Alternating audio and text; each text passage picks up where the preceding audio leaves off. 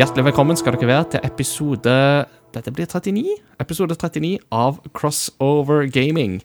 Verden er et rart sted å befinne seg i i år 2020. I januar holdt vi på for tredje verdenskrig. I februar holdt Australia på å brenne opp. Og nå sitter vi jammen hjemmeisolerte alle mann, eh, og koronaviruset herjer. Så nå er det bare et spørsmål om tid før april banker på døra, og Hitler plutselig er tilbake fra de døde.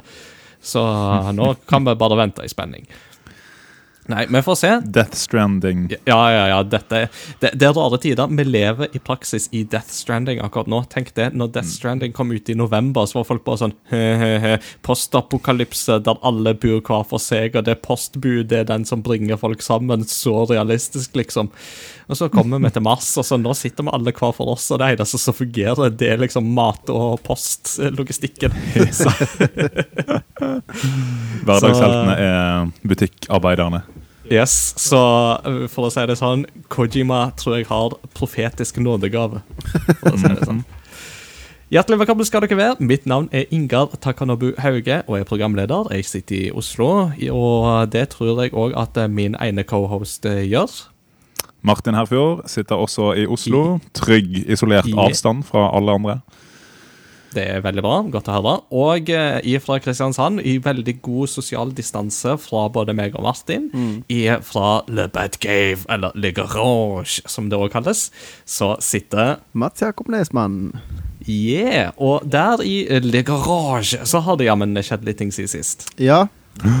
Eh, for å si som alle andre nordmenn sier for tida, i disse koronatider eh, så har man tid til litt små prosjekter i heimen. Eh, så jeg har rett og slett brukt hver eneste kveld hele forrige uke på å tømme Le Garage for ting. Eh, sparkle, male, liste. For så å flytte tilbake alt inn i, eh, inn i garasjen. Eh, og kvitte meg med noe trommer, kvitte meg med noe spillrelaterte ting. Og eh, lage en sånn fusion cave, så nå er det blitt Le Bat Cave. Henger dette sammen med at Ingar faktisk lagde Batmobil? Og så har du en tom Batcave nå, Mats Jakob?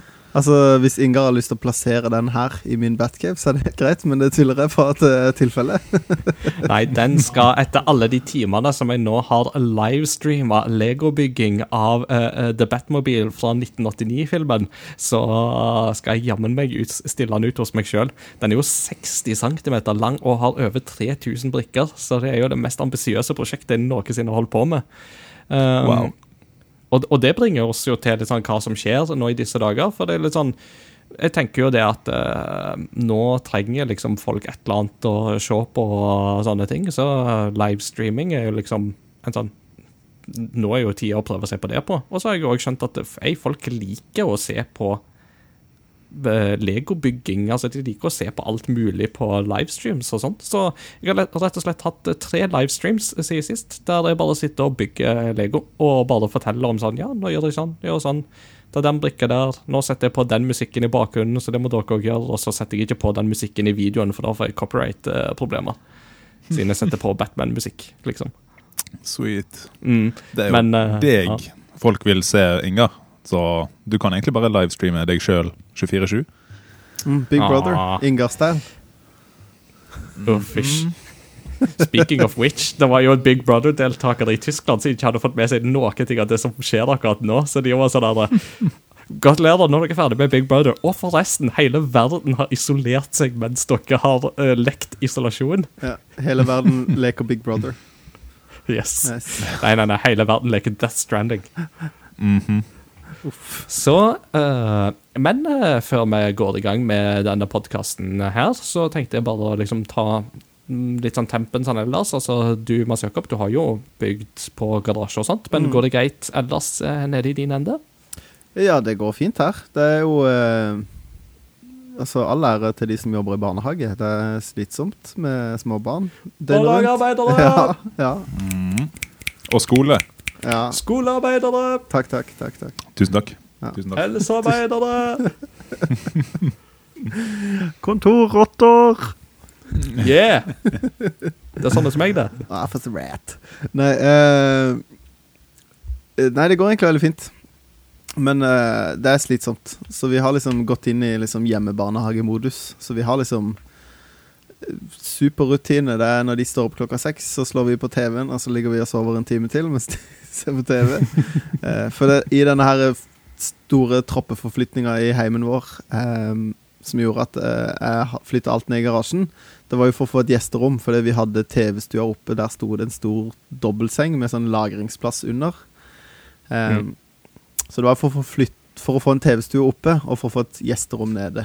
Um, sånn at nå har vi gjesterom rett utenfor soveroms... Nei, TV-stue rett utenfor soveromsdøra vår. Sånn at det, nå er det mye lettere å Tidligere har vi alltid måttet stå opp i sekstida for å sitte og se på TV med de. Nå kan de se på TV en time før vi karer oss under senga sjøl. Nice. Eh, så det er jo Føler vi har fått livet i gave på morgenen. Men eh, Det ble nesten teologisk, det der. Ja. Men uh, Nei, så det har vært uh, mye av det. Og så um, uh, Rutiner. Vi har liksom morgensamling og eh, fast sovetid og liksom fast film på ettermiddagen. Altså, vi prøver å gjøre ting så, så rutinete som mulig. Mm. Eh, for barn Så bra. elsker rutine. Eh, Mm. Og det er kjempeviktig i sånne Mm. tider som dette her. Så det funker, men det er slitsomt.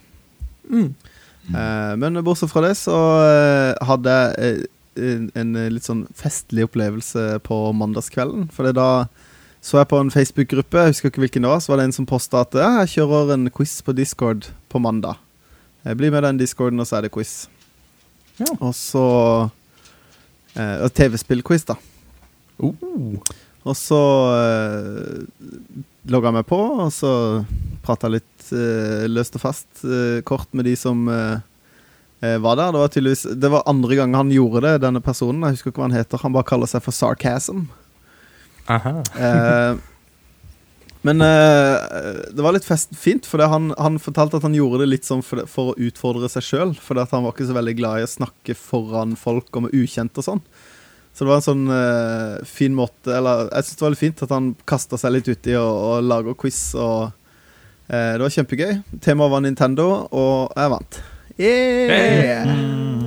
Så det var gøy. Snikskryt. Skriksnitt. um, nei, men det var veldig gøy. Uh, vi var ikke så mange, da. Vi var en åtte-ni stykker.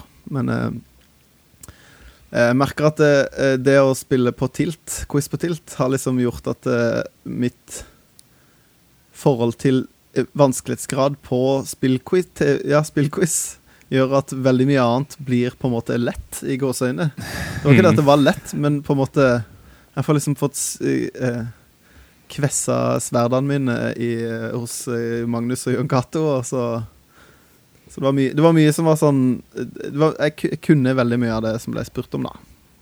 Så Mats Jakob, jeg må bare spørre deg Mm. Are you not entertained?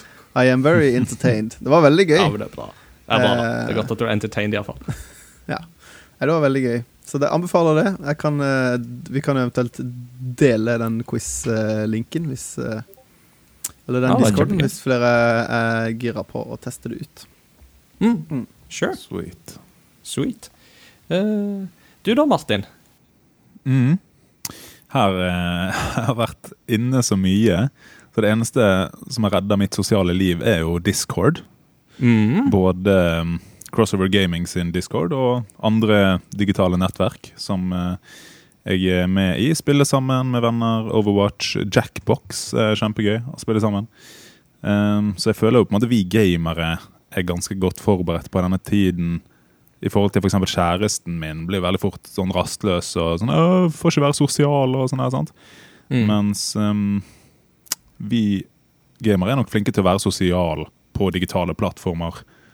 Um, så sånn sett så Mm. Kanskje hadde vi overlevd eh, apokalypsen bedre enn eh, treningsfolk. Hmm.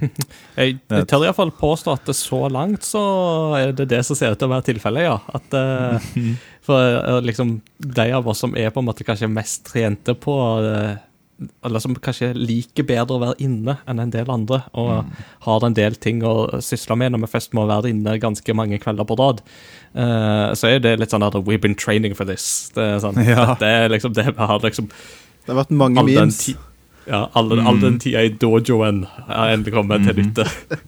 Yes.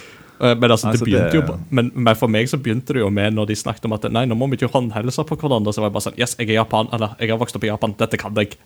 Yes. Du har munnbind under puten, liksom. Eh, eh, ikke under pu puta, men eh, det er i skuffeseksjonen under senga. Så har de noen sånne munnbind Yes. som vi kjøpte i Japan sist. Så Ja, konge. eh, jeg, har ikke, jeg har ikke tatt de i bruk, da. Det, det har jeg ikke. Så Nei, jeg går jo stort sett på jobb som normalt, fordi at jeg kommer meg jo på jobb uten å pendle. Og høyskolene skal jo fortsatt drifte, selv om vi ikke har studenter. Så for å si det sånn, vi satser på at dette går over, og at eh, eksamen blir i en eller annen form. Og hvis ikke det blir, så Jo da, det skal bli eksamen på en eller annen måte. Og så satser vi jo på at det blir jo et nytt studieår til høsten. Så det er liksom Ting går sin gang, er liksom min erfaring, da. Men eh, all utebevegelse har jo i utgangspunktet kutta, bortsett fra å gå på butikken. Og nå vurderer jeg å kutte det òg, og bare kjøpe over nett. Eh, For det å bo i Oslo og gå på butikken, det kan være risikosport, det, altså. Så, men stort sett har det gått fint. Folk eh, Nå ser ikke folk rart på meg, og det er litt sånn gøy. Jeg var på Rema på mandag, tror jeg det var. Eh, og jeg følte at det var litt som en sånn puzzle game av et eller annet slag. Altså, det var nesten som, som Pac-Man. For at Når du går inn i en sånn tranggang, og så kommer det folk mot deg, og så bare går, snur deg, og så bare waka, waka, waka, waka, går andre veien. Ja. Det er sånn, det, her er det for trangt at vi kan holde to meters avstand. Nei, da må jeg snu. Ah! Ja, ja, ja. Holde pusten. Ja. Ja, ja. Jeg var og handlet så- så- i dag, og da på Matkroken så hadde de sånne mm, metersoner på bakken. Der de har Mm. tegna opp på bakken liksom én meter, hold avstand. Jeg vet ikke hvor mange butikker som har fått det sånn, men Ja, de har det på Rema her. mm. Så veldig, veldig nyttig og greit. Og jeg, jeg må si at jeg føler sjøl at det går veldig greit. Uh, største ulempen er jo at jeg får liksom ikke tatt treningsøkter og sånt, men uh, det skal vi komme tilbake til i Hva du spilte-segmentet uh, litt uh, seinere. Så uh, sjøl der så har vi gamere nødløsninger. Det hadde vært veldig gøy hvis de var sånn i WoW Classic-launchen, at folk sto i kø for å ta Quest Objectives. At vi får sånn social distancing inne i spill òg. I MMO så har du litt sånn énmetersone. Åssen i hulen skal du få til ja. det bare, bare ranged og, øh, og magic attacks i PVP? ja. Vi, eh, vi hadde No et melee. eksempel på det Vi hadde et eksempel på det når vi spilte Overwatch forleden dag, fordi um, uh, mot den som fikk Play of the Game, spilte som Tracer. Og fikk Play of the Game ved å plassere en sånn stikkebom på, tre, eller på en som sto liksom litt tett inn på to andre, så fikk hun triple kill på den. Og min kommentar i tekstfeltet var Tracer shows us the importance of social distancing. ja. Jeg var jo vitne Jeg ble jo bomba i den bomben, tror jeg. Ja, riktig, riktig. Det var da du var med, ja. Så det var, og kommentarfeltet elsker jo den, så det var Yes. Vi tar det Det er en alvorlig situasjon, men vi må bare prøve å ta det så godt som vi bare kan. Eh, og dette er en viktig anledning for å eller oppfordre dere som hører på, til å ta vare på de som er rundt dere, og kanskje på en måte prøve å introdusere de for litt av dette her som vi holder på med, med gaming og dataspill og sånt. Eh, og vis de at dette er faktisk en måte å være sosial på i disse tider, og kanskje det kan være en øyeåpner for folk. Eh, så vi Kanskje det kommer noe godt ut av dette her òg. Og ikke minst, hold dere inne og spill dataspill med god samvittighet. Ikke minst. Men jeg tenkte eh, en siste liten ting som må bare plugge før vi går i gang for alvor. Det var at eh, jeg har jo jobba sånn som normalt, så jeg har ikke hatt sånn veldig mye fritid. Men jeg har sett Castlevania sesong 3 Uh, og denne kom ikke i anbefalingssegmentet, og det er derfor jeg tar den opp litt nå. For eh, etter sesong to så var jeg jo veldig hyped. Men jeg må mm. si at Castlevania sesong tre var ikke helt der, altså. Den har mm. sine øyeblikk, og når det er bra, så er det veldig, veldig bra. Mm. Men uh, Ja, nå har jeg jo tidligere snakka om at 'Å, nå kommer det snart, gleder meg', men uh, det var ikke helt der, dessverre. Mm. Jeg har sett de første tre episodene, tror jeg. Og jeg så de ett etter at du hadde Jeg så du hadde skrevet dette her i kjøreplanen, at liksom Castlevania sesong tre, små skuffer, står det i kjøreplanen vår. Mm. Eh, så jeg var liksom innstilt på at det ikke var kjempefett. Men jeg har vært litt sånn spent, fordi eh, de som ikke har sett det, eh, kan holde for ørene nå om tre, to, én.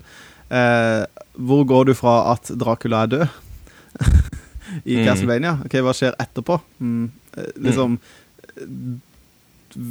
Ja, jeg føler liksom hele poenget med serien er over.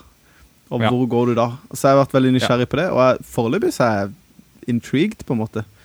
Jeg syns ikke det er og det er derfor, ja. Mm. Og det er derfor jeg må si at jeg var på en måte Jeg er litt småskuffa. Uh, det er ikke det at det er liksom veldig dårlig, men det er litt det der med at de har en utfordring, og til tider så klarer de å løse den utfordringa veldig bra, men helhetlig sett så kommer de ikke altfor godt ut av det etter sesongen. Mm. Så Mm. ja. Vi får se. Ja. Mm. Jeg digger sesong én og to, og det er veldig gøy at vestlig anime er litt uh, on the rise. Mm. Mm. Sånn som uh, Netflix har jo òg Love, Death and Robots, som er veldig, Mm. veldig kult. Mm. Så yeah. Uh, så jeg ville bare liksom skyte den litt inn før vi går i gang. Mm. Men nå har vi tatt en liten recap på hvordan det går, så la oss høre fra lytterne. Det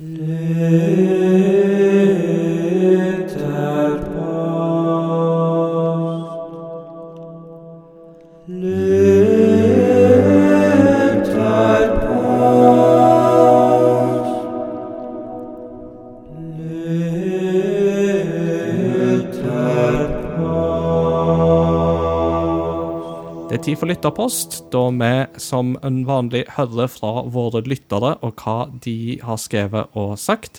Eh, I denne lytterposten så har vi da spurt eh, folk dersom noen spør deg om spilltips i disse dager, hva spill vil dere da anbefale? Så eh, vi kan jo høre for oss sjøl først. Martin, hva spill ville du anbefalt noen som hadde spurt deg nå om spilltips?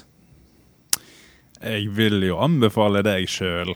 Bruker mye tid på å spille. Så um, litt sånne eh, strategiske spill man kan sette seg inn i og fordype seg i, noe som man har god tid, vil jeg si Heartstone og uh, Teamfight Tactics. Autobattlers. Eh, det er min anbefaling. Ja.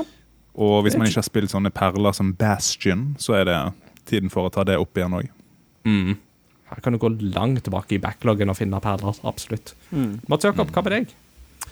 Um, jeg vet ikke. Jeg ville kanskje liksom Det kommer an på hvor mye tid du ser for deg å ha. Jeg har eh, ikke noe mer tid enn normalt nå eh, i min livssituasjon, men noen har jo kanskje plutselig mye mer tid enn de ville hatt normalt.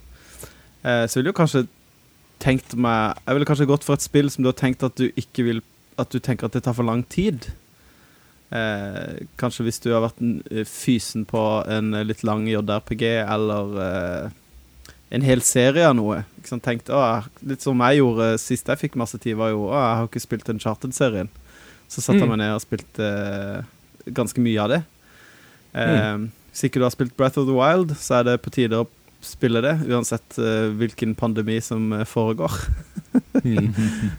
Men ja, jeg ville gått for en litt sånn lengre eventyr, da. Som, eller, eller et online-spill, da. Mm. Eh, samme her. Eh, jeg tenker jo det at et online-spill av et eller annet slag der du kan spille med andre folk og være sosial, det tenker jeg er jo et viktig nøkkelmoment nå. Og da er det jo Du har jo gratisvarianter som Apex Legends og Call of Duty Warzone, f.eks., men òg Overwatch og Battlefront, Final Fantasy 14, World of Warcraft, hvis det er de greier. Borderlands er vel òg noe som har den faktoren ved seg, har jeg skjønt. Eller Mm. Destiny er jo òg sånne spill som har liksom litt den faktoren der. Eh, men det går jo òg an å bare på en måte kjøre noe sånn Civilization multiplayer online òg, og bare på en måte Mm. snakke sammen mens dere liksom gjør deres trekk og har det litt chill. Så det er liksom det jeg ville tipse om. Eller så ville jeg gått for noe litt sånn større, som du sier. Og da for, kanskje f.eks. Red Dead Redemption 2, siden vi ikke skal gå så mye ut akkurat nå, så er det jo ingen spill som skildrer amerikansk vill natur vakrere enn det. Så hvis du savner det å ta på Hvis du savner fysisk kontakt, så er det masse hester der du kan børste. Og det har vel aldri vært en bedre tid å prøve Death Stranding. Nei, ikke sant? Death Stranding er jo så aktuelt så det bare går an å bli. Men Eh, vil du ha mer av det? Vil du ha mer pandemi og dystopi, holdt jeg på å si? Faktisk, nei. nei, men faktisk er jo det noe som på en måte kan slå litt ut. Altså Hvis du er en person som kan lett få litt angst, eller på en måte bli litt sånn Kjenne litt på den følelsen der, eh, så bør du jo kanskje unngå spill som The Last of Us, Death Stranding, eh, Resident Evil og sånt akkurat nå. Eh, at det er kanskje ikke helt tida for det. Men Red Dead Redemption eh, kan være et godt valg. Persona 5 Royal, altså den forbedra utgaven av Persona 5, kommer jo ut nå til veka. Uh, Animal Crossing er jo noe som tar fryktelig lang tid òg, så det er liksom Ja, eller Uncharted, som du sier, som jo er på en måte mye mer lett og ledig, ikke sant, og som man blir litt glad av å spille det, iallfall hvis man liker litt den eventyrstilen. Så. Mm. Mm. Så nok om oss. Eh, hva sier lytterne våre? Eh, da kan jeg jo begynne med eh, veteranene sjøl, og da går vi til Åsmunds hjørne. Åsmunds hjørne. Åh, det er så vakkert. Å, Martin, Martin, kan du ikke bare snikdroppe en dekunøtt til oss? Dekunøtten. Det er så vakkert. Hvis folk ikke hører på nerdelandslaget, så tar de ikke den, men eh, her var det en liten eh, bonus. Skal vi se. Eh, Åsmund, han skriver eh, For å få et utløp for karantenestemninga ville jeg kanskje anbefalt The Last of Us. Eller så er jo Resident Evil 2 remake og et herlig zombo-apokalyptisk spill. Så ja, jeg er jo Mhm. Jeg tenker jo det at jeg syns jo at det, nå er jo tida nettopp for å gå inn og spille sånne katastrofespill og apokalyptiske spill og den typen der. Men som sagt, vurder det litt med deg sjøl, hva du sjøl tåler og ikke, eh, og hva du kan eksponere deg for. Men Det er jo fint å vite at um, ting kan bli verre enn det man har det sjøl. Mm, Altså, Perspektiv. ikke sant? Yes. Yeah. Mitt, uh, denne plukka ut her, er fra Kjaus, eller Kjetil Austeindal, som mange også kjenner han for. Han skriver Kjetil! Jeg har for, for første gang blitt hekta på en Battle Royale. Trodde, eh, lenge trodde jeg at sjangeren ikke traff meg, etter å ha prøvd både Fortnite, PubG eh, og Apex Legends. Et ærlig forsøk. Men de tre siste dagene har jeg blitt nesegrus forelska i Call of Duty Warzone. Hjerte-emoji. Det er mange ting som gjør at jeg digger det. For det første vil jeg trekke fram skytefølelsen, som både i lyd, mekanikk og grafikk er fantastisk. Spillet introduserer også en rekke spennende eh, mekanismer som ikke finnes i andre Battle Royale-spill. Eh, eh, og så vil jeg anbefale alle som har en PC, PS4 eller Xbox, spillet har crossplay, å finne to chommier eller gå solo og kaste seg ut av flyet og lete etter verdansk rundt et Nei, le, lete verdansk rundt etter et legendary M4A1 Assault Rifle. Og så har han skrevet 'edit' klokka 00.49. Noen timer etter jeg skrev dette, fikk vi vår første victory. 150 spillere i hvert game. Bra, Yeah! Kjetil! Bra jobba, Bra, bra. Kjetil! Altså, det er så typisk Kjetil å være litt sånn voldelig og være litt sånn der skytespillfyr. Og han er, en voldelig type Kjetil, altså. Veldig, veldig priest-like. Mm. Mm. Mm. He kicks ass for the Lord. Yes. Um, jeg ser her Kumlesopp har skrevet på Discord. Og Ikke takk til alle som kumlesopp. eh, Kumlesopp. Takk til alle som bidrar, både på Facebook og Discord. Discord. mm. vi leser alt. Igjen. Mm. Eh, han skriver Jeg plukker den lavt hengende frukten. Animal Crossing New Horizons. I en stressende hverdag hvor det kan føles som om verden rakner i sømmene, tilbyr Animal Crossing et utopisk lite samfunn man kan flykte inn i. Alle er vennlige, huslånet har ingen renter og kan dessuten betales ned ved å plukke skjell på stranden. Her kan man sette seg ned, puste ut og bare gjøre det man føler for. Det være seg fisking, insektsamling, interiørdekorasjon eller noe helt annet. Anbefales på det varmeste. Yes. Nice. Jeg har en en eh, bell, ikke bell spilt. til den. Ja, ja, ja. Jeg har ikke spilt Animal Crossing, men jeg har bare sett mange fine bilder av uh, en sånn fyr med uh, sånn hjelm og en stor gunner som skal gå rundt og på en øy eh, skyte mange demoner og sånn. Er, det- er det riktig? Animal Crossing Ja, ja, Battle Royale. det- Det var Doom, Doom Manual, Mm. som man nå kalles. Doom Crossing. jeg, må, jeg må bare si altså, at denne her fan uh, Holdt jeg på å si Denne her gjensidige kjærligheten som Doom-fans og Animal Crossing-fans gir til hverandre, bare fordi spillene kom ut samme dag, det var en fryd å følge med på, altså. Altså, vi må få en mashup snart, sier jeg. Ja, Mm. Animal sant? Doom. Animal Doom. Doom Animal. Mm. Ja. Yeah. Jon Vegard Jansen skriver Kingdom Two Crowns. Et sidescrolling pixel art Kingdom Defense-spill som både er simplistisk og vanskelig. Fantastisk musikk. Jeg kjenner til spillet, men jeg har aldri testa det sjøl, så Aldri hørt vi får se. Mm -mm. Ikke prøv. Yes, Nikolai i Discord skriver eh, Jeg er noe sær når det kommer til spill, men jeg er veldig glad i strategispillene til Paradox. Stellaris er deres eh, romstrategispill, som i forrige uke fikk en ny DLC, og de gamle DLC-ene er på salg nå. Om du liker eh, 4X, eller vet ikke hva er- Er det et spill? Ja, kanskje. Om du liker 4X, er spesielt første halvdel av kampanjen i Stellaris mye inspirert av det. Det er real time, men det er en pauseknapp, så du kan bruke så mye eh, og så ofte du vil, og hastigheten kan også, Hastigheten kan settes til fra sneglefart til superrast. Mm. Så du har all den tiden du vil. Paradox sine spill er komplekse, men Stellaris har en veldig fin innebygget tutorial i form av en digital hjelper i selve hovedkampanjen, og har derfor den letteste læringskurven i Paradox-spill. Jeg kan ikke anbefale den tittelen nok, den er så utrolig moro å spille. Nice. Mm. Oh, uh, den type sjangeren som Altså, den sjangeren der har jeg hatt litt sånn lyst til å hoppe tilbake igjen i, men den kan jo fort bli veldig kompleks. Men Stellaris har jeg skjønt det er på en måte kanskje der det burde hoppe inn. Så eh, ja, jeg får putte det på ønskelista. Eh, word til det. Jeg spilte Stellaris eh, den jul, julen når det kom ut, og det var eh, en uke dypdykk eh, i verdensrommet. Mm, Det, kult. det er sånn Du kommer inn i en sånn herlig mani, Fantastisk. så det anbefales. Ko-ko-ko. Da leser jeg um, Espen Tveit, som skriver Jeg må jo bare slå et slag for Dungeon and Dragons. Mot Ja. normalt en spilløkt i uka har vi nå hatt kanskje fem økter siden skolene stengte. Vi har fått mer tid til det, og samtidig har det vært et viktig element for ikke å bli helt sprø. Det er godt å spille sammen, siden praten man har underveis, er selve spillet.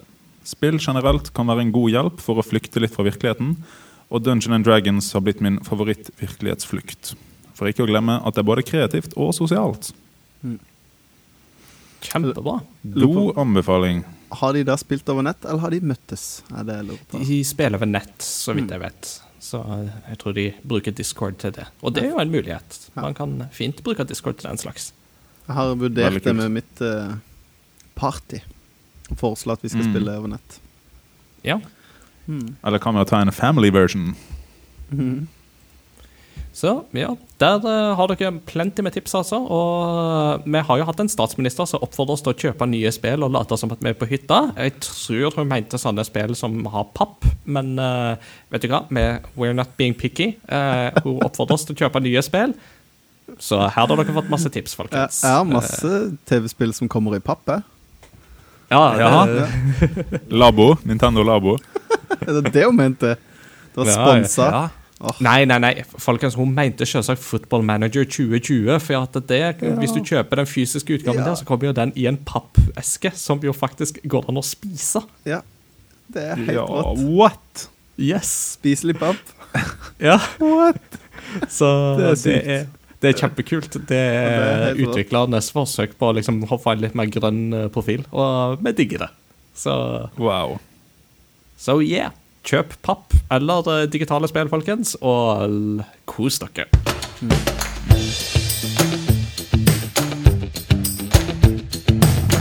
What you been playing lately? What you been playing lately? What you been playing lately? What you been playing lately? Ja, En, eh, noen folk har mer tid til å spille enn ellers. Eh, jeg er ikke en av de. Eh, men jeg vet ikke hvordan det er med deg, Martin. Hva har du spilt i det siste?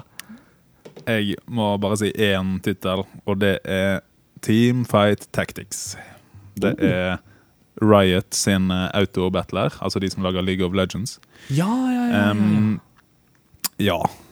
Um, jeg tenkte jo Nå har jeg mye tid, uh, og jeg har liksom lest at det, noe av det beste for hjernen er å lære seg nye ting. Så da tenker jeg å lære meg et nytt spill. Og Teamfight Tactics treffer eh, veldig riktige punkt hos meg. Um, det er jo litt som å spille sjakk med 100 forskjellige brikker med åtte personer samtidig. Eh, og du vet aldri hvilke brikker motstanderen bruker. Wow. Høres fristende ut. Um, Ta den, Magnus Carlsen. um, Who's the ja, smart er guy now? ja, jeg tror han ville briljert i det, faktisk. Um, er det bare så deilig å dyp, dykke inn i eh, et nytt spill, lære seg nye heroes, mekanikker, strategier. Um, og endelig mestre noe. Jeg spilte jo sånn 24 timer før jeg fikk min første seier. Mm. Oi. Og det smakte så deilig, liksom. Når Ta jobber, den, jobber det, liksom. ta den Soulsborne-fans. Ja. ja, men Det er noe deilig med å være best av åtte. Måte, ja. Mm. Og så har jeg spilt uh, Heartstone eh, som vanlig, og de får en ny expansion. For første gang i Heartstone sin historie så får de en ny class, Oi. og Oi. det er Demon Hunter. Mm. Så Og de kommer til å gi en gratis uh, playable um, dekk til alle som er nye, eller kommer tilbake siden, for lenge siden. Så jeg vil anbefale å plukke opp Heartstone nå, og når nye expansion kommer, uh, hvis ikke du har gjort det før. Tøft. Smooth. Mm. Høres veldig bra ut. Vil du overta, Mats Jakob? Ja. Jeg har ikke Siden jeg har hatt så mye brukt så mye tid på eh, denne flotte garasjen, eh, så har jeg ikke hatt så mye tid til å spille. Så jeg, første gang jeg spilte siden sist, var i går. Oi. Eh, da spilte jeg litt videre på Legend of Zelda Skyward Sword. Så jeg tok eh, en dungeon i går. Um, og det er jo et eh, veldig gøy spill, som jeg snakka om før. Mm Mhm. For de som har spilt det før, så tok jeg den første Den første uh, dungeon ett i liksom andre halvdel av spillet. Når du på en måte er Mm. ferdig med de første rundene og oppdager de nye områdene, så er det liksom første gang du drar tilbake til et område og finner et nytt tempel i samme område. Mm. Uh, som er veldig sånn buddhistisk inspirert. Det er en svær Mm. buddha-statue i midten og sånne ting. Uh, og veldig sånn delt med det tempelet, for det er Det er ikke et vanntempel, men det er veldig mye under vann. Og Mm. hvis du syns at det var vanskelig å fekte i Skyward Sword, så skal du prøve å svømme med den der eh, himla motion controllen, for det er superfrustrerende. Oh lord! Ah, hopp og klikke når du liksom bommer på en åpning. Altså bommer på liksom en dør. Fordi at det Mm. plutselig så bare svinger han til høyre, og så er det sånn for å få sånn spinn-superfart, så må du liksom slenge begge kontrollene samtidig til en side, litt sånn kjapt. Men noen ganger så svinger han jo før han ah, Det er helt sånn der, lord. Det er Det er farlig å være frustrert eh, når du spiller med en Wii-kontroll i hånden. Ja. Så det er fare for å slenge den inn i TV-en. Ja, det, altså det, Men i utgangspunktet er det, det er veldig sånn Jeg liker estetikken. Jeg liker eh, em, item Altså liksom det er våpen Det er jo ikke et våpen, men den Quest-itemen du får der. Mm. Eh, så jeg, og jeg syns bossen er veldig kul. Litt frustrerende, men kul. Veldig kul. Eh, sånn at eh, Jeg liker tempelet og dungeon, Ja. men, eh, men ja. Eh, men jeg måtte begynne på nytt på bossen kanskje tre ganger. Og det var bare sånn Dødsirriterende. Jeg husker Jeg kom Ja. på etter hvert liksom hva som er trikset, og da klarte jeg det ganske greit. Eh, jeg da uh, jeg husker jo det tempelet sjøl godt ifra da jeg spilte det mm, eh, spillet første gang. Så det er jo et av de templene jeg husker best, og av bossene og sånt òg. mm, Og vi snakket jo litt om dette i Retrospellauget, så snakket vi om at eh, det er jo en del estetikk i det spillet som har veldig sånn på en måte thai, Kambodsja, Laos Også veldig sånn indokinesisk estetisk stil over seg. Og det er egentlig veldig særinget og kult. Jeg syns det er veldig tøft, for det, eh, det er på en måte både litt sånn der eh, sword and sorcery, men også sword and sorcery i liksom Indonesia. det, Mm. Eller i ja, Kambodsja, da. Så det, det er ganske stilig. Men eh, der er det, møter du også på en, en drage, som er liksom The Water Dragon. Som har på seg sånn, sånn Ser nesten ut som sånn eh, eh, Jeg vet ikke om det er kinesisk eller japansk, men det er sånn der veldig sånn eh, eh, flott sånn drakt. Med håret satt opp og sånn svær krage. Sånn kapp Nei, Jeg vet ikke. Det ser ut som sånn keiser uh, forbudte Ja, ja, ja. by-klær. Mm. Mm. Mhm. Det er ganske stilig. Jeg liker den character designen der. Men når jeg hadde spilt i tempelet, så orka jeg Eller skulle du spørre noe, Martin? Nei, nei, Nei. bare fortsett, du. Eh, når jeg hadde spilt i tempelet, så orka jeg ikke begynne på noe nytt. Eller jeg merka at jeg orka ikke ut og fly med der, uh, i det spillet, for det er litt som å svømme, bare litt bedre. Uh, så da tok jeg ut det, og så spilte jeg et spill som jeg uh, ikke har hatt så veldig lenge. Du skulle jo kanskje tro det, men et spill som er lagd av Nintendo, og derfor så kommer det jo aldri på salg. Jeg har hatt lyst på det Mhm. siden det kom, men jeg kjøpte det for kanskje et halvt år siden. Og i går så satte jeg meg ned alene, eller satt ikke, jeg sto og spilte Wii Sports Resort. Eh, og jeg elska Wii Sports. Det var et, Da, da, da. Eh, nei, det, eh, det er jo et fantastisk morospill. Altså, Wii Mhm. Sports, kjempegøy. Og det her er jo bare mer Wii Sports, og med Mhm. litt, litt mer nøyaktig control, som kanskje også er litt frustrerende, fordi det er mer nøyaktig.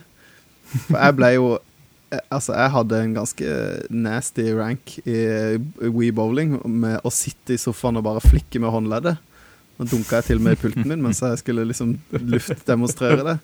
Og tennis òg, og bare satt der liksom og golf. Altså, jeg ble mester i å spille Wii Sports uten å forbrenne en eneste kalori.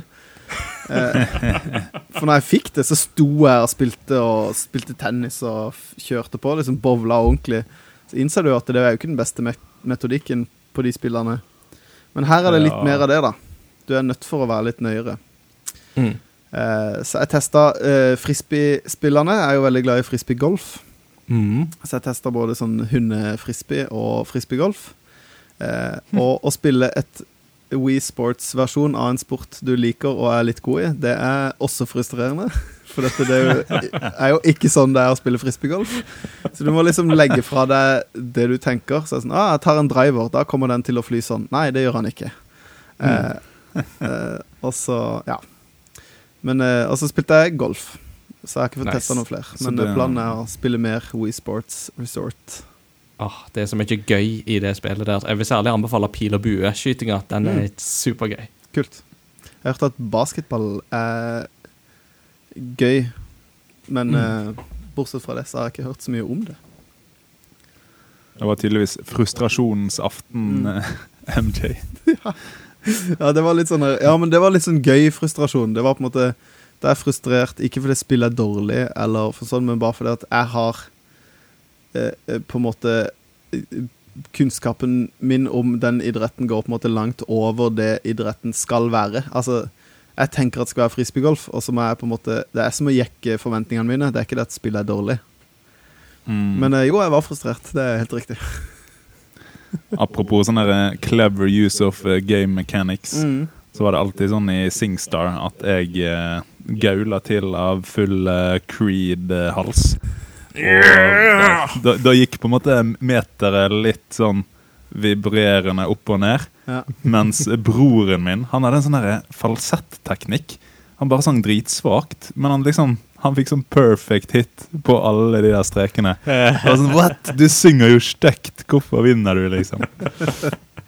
Øh, fantastisk. Jeg biter meg også merke i at begge spillene som Mats Jakob har blitt frustrert av, er Wii-spill som bruker Motion Plus, så jeg aner et mønster. Mm. Jeg, Mm. bare vent, jeg skal spille Red Steel 2, dere. Da skal dere få se en ganske hissig Angry Gamer. Åh, nei, å fysj. Oh, jeg husker Red Steel, det første. Oh. Jeg bare slo det av etter de første ti minuttene, for det var så frustrerende å spille et spill som liksom der du skulle slåss imot japansk yakuza, og alle japanerne snakka skikkelig gebrokken amerikansk-japansk. Åh. Mm. Sånn. Ja, det, ja, det, det var jo et lag jeg ikke fikk med meg når jeg spilte det, men eh, Jeg husker jeg spilte eh, Red Steel med onkelen min, og så var det sånn der eh, Jeg hadde ikke noe toplayer Eller jeg hadde jo Wii Sports, men jeg hadde ikke en ekstra kontroll. Så vi spilte Red Steel med onkelen min. Det er eneste gang jeg har spilt med onkelen min.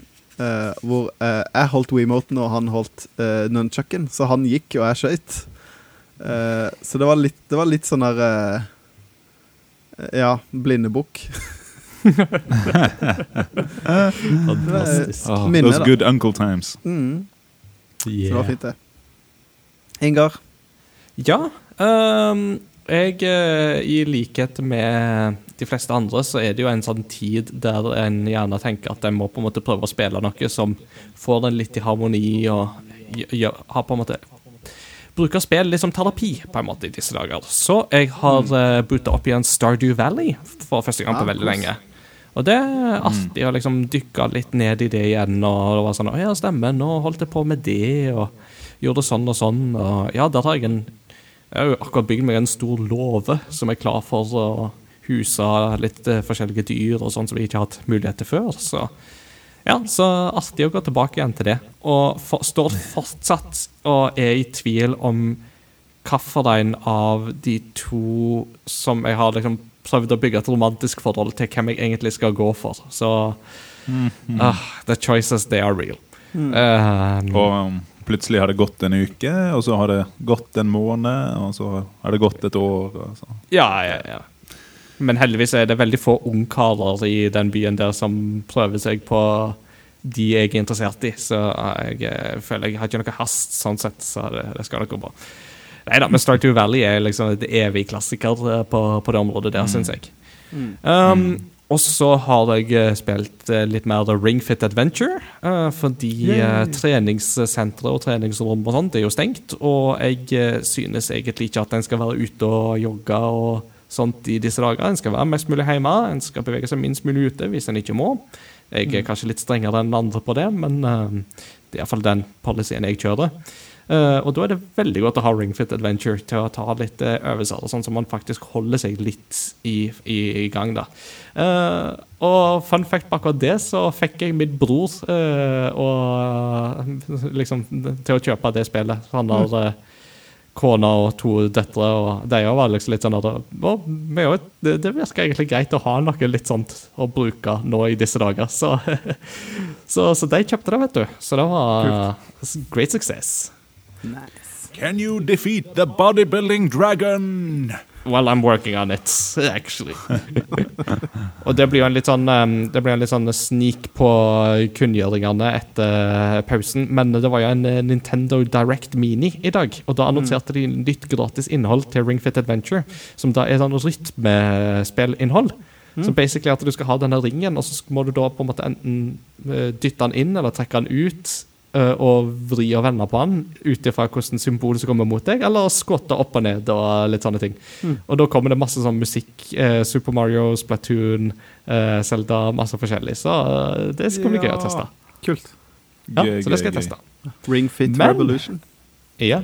Men eh, det jeg dere har brukt mest tid på, det er jo slagere som Overwatch og Star Wars Battlefront 2. Star Wars Battlefront 2 har jo hatt eh, dobbel XP eh, en stund nå, fordi at eh, det var noen på Reddit som sa sånn Å, kan dere ikke gjøre det? Og så var det community manageren som bare OK, ja, vi gjør det. En time etterpå så hadde de fått det i gang, så det er kjempekult. Og Overwatch har jo en event, så da får jeg spilt litt der. Og så, den 20. mars, så kom det jo to spill. Det kom Animal Crossing. Det har jeg eh, bare så vidt fått og boota opp og begynt på, så jeg har akkurat blitt indentured for life under Tom Nooks eh, harde åk. Eh, Men det er så koselig at det går fint. Eh, Så så langt så koser jeg meg med Animal Crossing, men jeg har bare spilt den times tid, så det er for tidlig å si noe. Men eh, hvor mange demoner har du slakta, da? Det tallet begynner å nærme seg et uheldig tall, for å si det sånn. Og det er jo definitivt det jeg har brukt mest tid på. Jeg har rippa og terra så det suser etter i Doom Eternal. Og la oss si det sånn Hæ? Er det to forskjellige spill? Ja, det er to forskjellige spill. Det er faktisk det. Hva skulle trodd det? Nei da, men eh, Kongen det jeg har brukt mest en sånn Nei, Det jeg har brukt mest- Kongen uh, Sorry. Sorry. Uh, så går det når vi sitter i hver vår men uh, Oh, yes. det går fint. Mm. Nei, uh, Doom Eternal er jo et av de spillene jeg har gleda meg mest til i år. Og la oss si det sånn, hvis Doom var en voldelig jazzballett, så er dette en voldelig rockemetal-opera i fire blodige akter. Mm. For dette er bigger, badder, better. Altså, dette er liksom bare ripper and more ripped and more teared enn uh, Doom 2016. Her gønner de på med mer, pun intended. Masse guns i det spillet.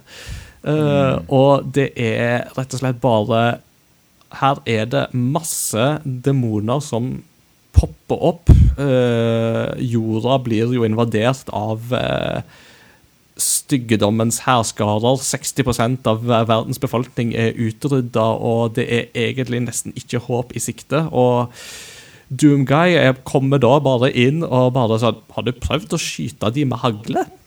Og så er det akkurat det du gjør.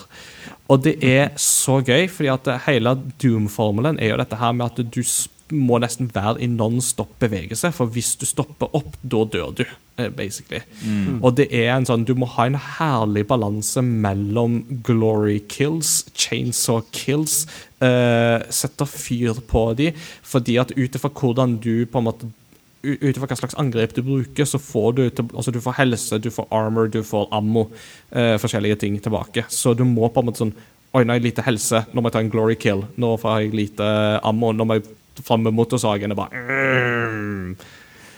Og det er, det er blodig som fy. Det, dette er ikke for sarte sjeler. Er, men det er utrolig imponerende å se hva id har fått til med den nye id Tech 7-motoren som de bruker her. Den er usannsynlig imponerende.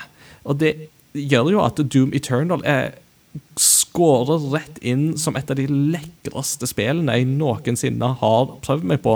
Og det kjører så bunnsolid på PC òg. Og det er så gøy å bare ha en skikkelig rigg og bare sette alle innstillingene på maks, eller Ultra Nightmare, som det heter i dette spillet. Og så bare gønne på. Og det er jo litt så gøy, for de har jo liksom sagt at sånn, nei, nei, dette er et spill som du potensielt sett kan få opp i 1000 frames per second. Så du kan ha en sånn måler som bare er sånn at dette er det antallet frames jeg vil Altså, dette er liksom målsettinga jeg vil at det skal kjøre på. Og den har ingenting under 60. Men så bare går det liksom opp til liksom langt opp i 500-600 og videre oppover. Det er bare sånn Dette er ikke sjans på min PC, iallfall. Wow. Så det er litt sånn Just Dance, at hvis du står i ro, så taper du? Ja, basically. Det er veldig det.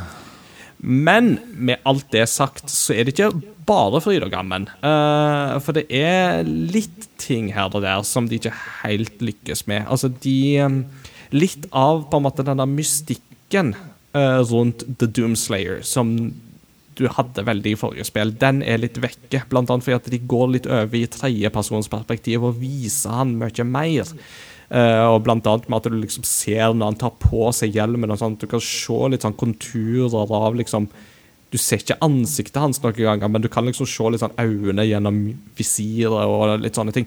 Men litt av greia med Doomguy er at han skal på en måte være litt sånn the faceless grunt meant to kill demons. Han skal Eh, være litt eh, Darth Vader.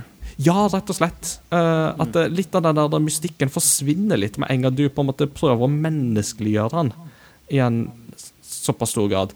Og dette er jo litt sånn det, første, altså det forrige Doom åpner jo med at han våkner jo opp i et sånn resurrection chamber, og der er det noen demoner som han bare liksom røsker tak i og bare knuser med bare nevene. Uh, og så tar den nærmeste shotgunen, og så popper det liksom Når han kommer inn til neste rom, så er det en skjerm der uh, det er en sånn eh, Dr. Samuel Hayden tar kontakt med han og bare sånn I believe we could come to a mutual understanding. Og Doomguy tar og knuser den skjermen umiddelbart. Går over i neste rom, blaster alle demons, og så går han inn i heisen, og idet han går inn i den heisen, så kommer jo det Doom-temaet der han lader hagla i takt med musikken. Yeah. Det øyeblikk, altså Sånne øyeblikk som det der mangler litt i Doom Eternal. Doom Eternal mangler litt det der, den der heissjaktscenen med liksom det der ladegrepet og liksom hele det der badasseriet som den scenen oser. Um, og litt av det kom liksom litt av, føler jeg da, at de prøver å skape på en måte litt mer law, litt mer historie rundt det. Kanskje de tenker liksom at hei, det funka med Wolfenstein-spillene. Men jeg føler ikke helt at de klarer helt å mestre den balansegangen her. Det, det er ikke sånn at de gjør det fryktelig dårlig, men det er litt sånn det blir liksom litt som å få en gigantisk burger eh, med liksom absolutt all toppinga på. og sånt, at Det kan være skikkelig godt å bare på en måte ham, ham, ham.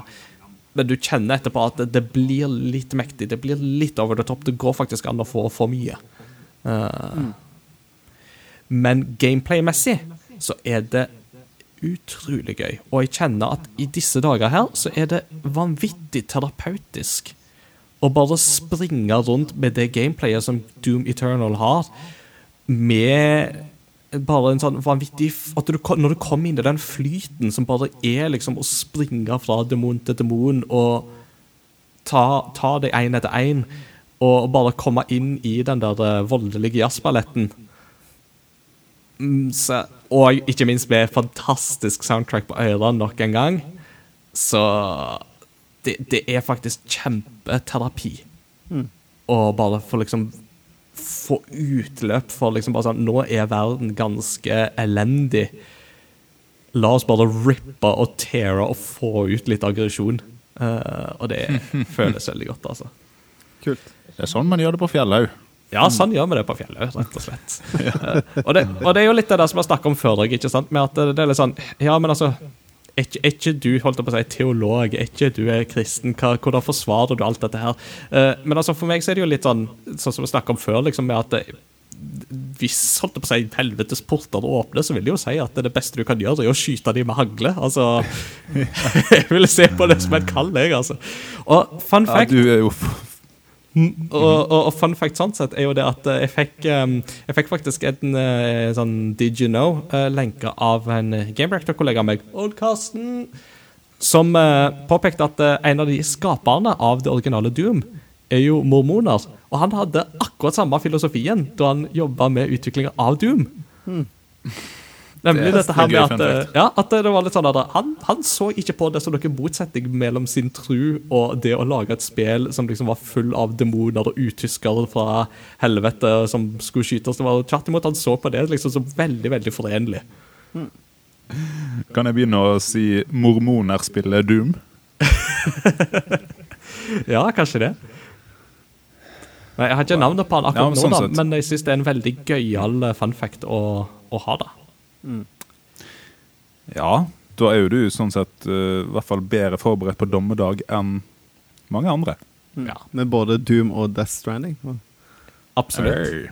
Og ikke minst The Walking Dead, som jeg jo har masse erfaring med, og The Last of Us. Så Nei da, men uh, skulle kris, uh, pandemien utvikle seg i en enda større krise, så er jeg klar, for jeg har både hermetikk og balltre. Så vi skal klare oss veldig fint.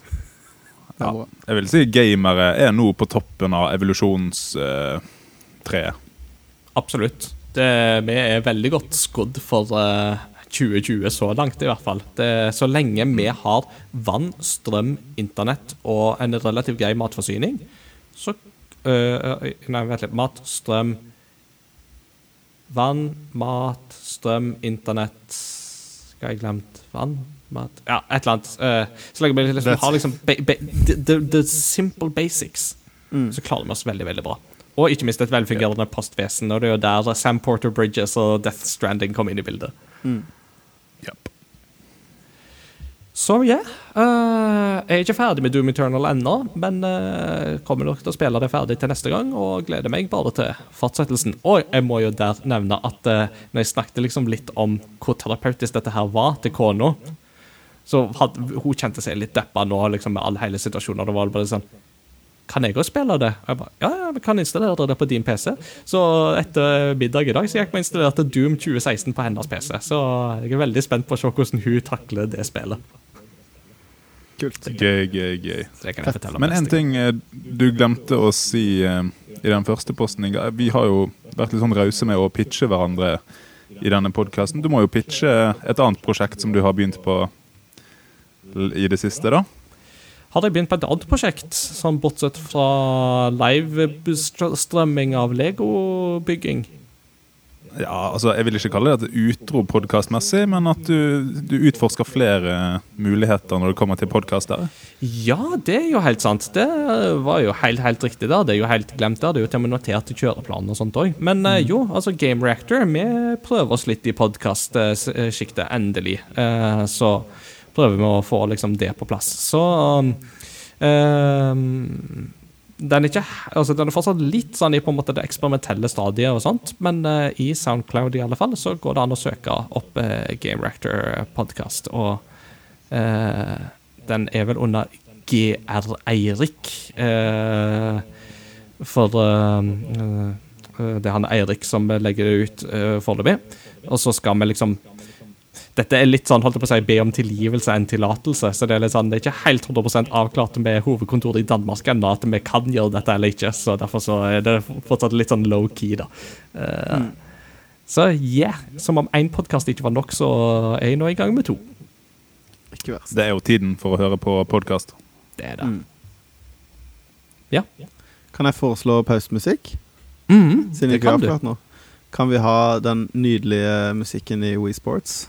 Det var det jeg også tenkte på. Åh, nydelig. Altså, vi er godt vi er enige. Ja. I disse strenge tider så er det godt med litt nydelig Nintendo-musikk. Eh, Absolutt. det er kun en, fra den perioden og den generasjonen som overgår det, og det er eh, Weather Channel-musikken på Mm. We. De, den var helt nydelig. Fantastisk. We- We-kanalene hadde så mye bra musikk, altså. Ja, det var helt rått. Det var noen ganger jeg bare satt på i bakgrunnen og rydda og Sånn. Ja. All right. We Sports-musikk. Da tar vi pause.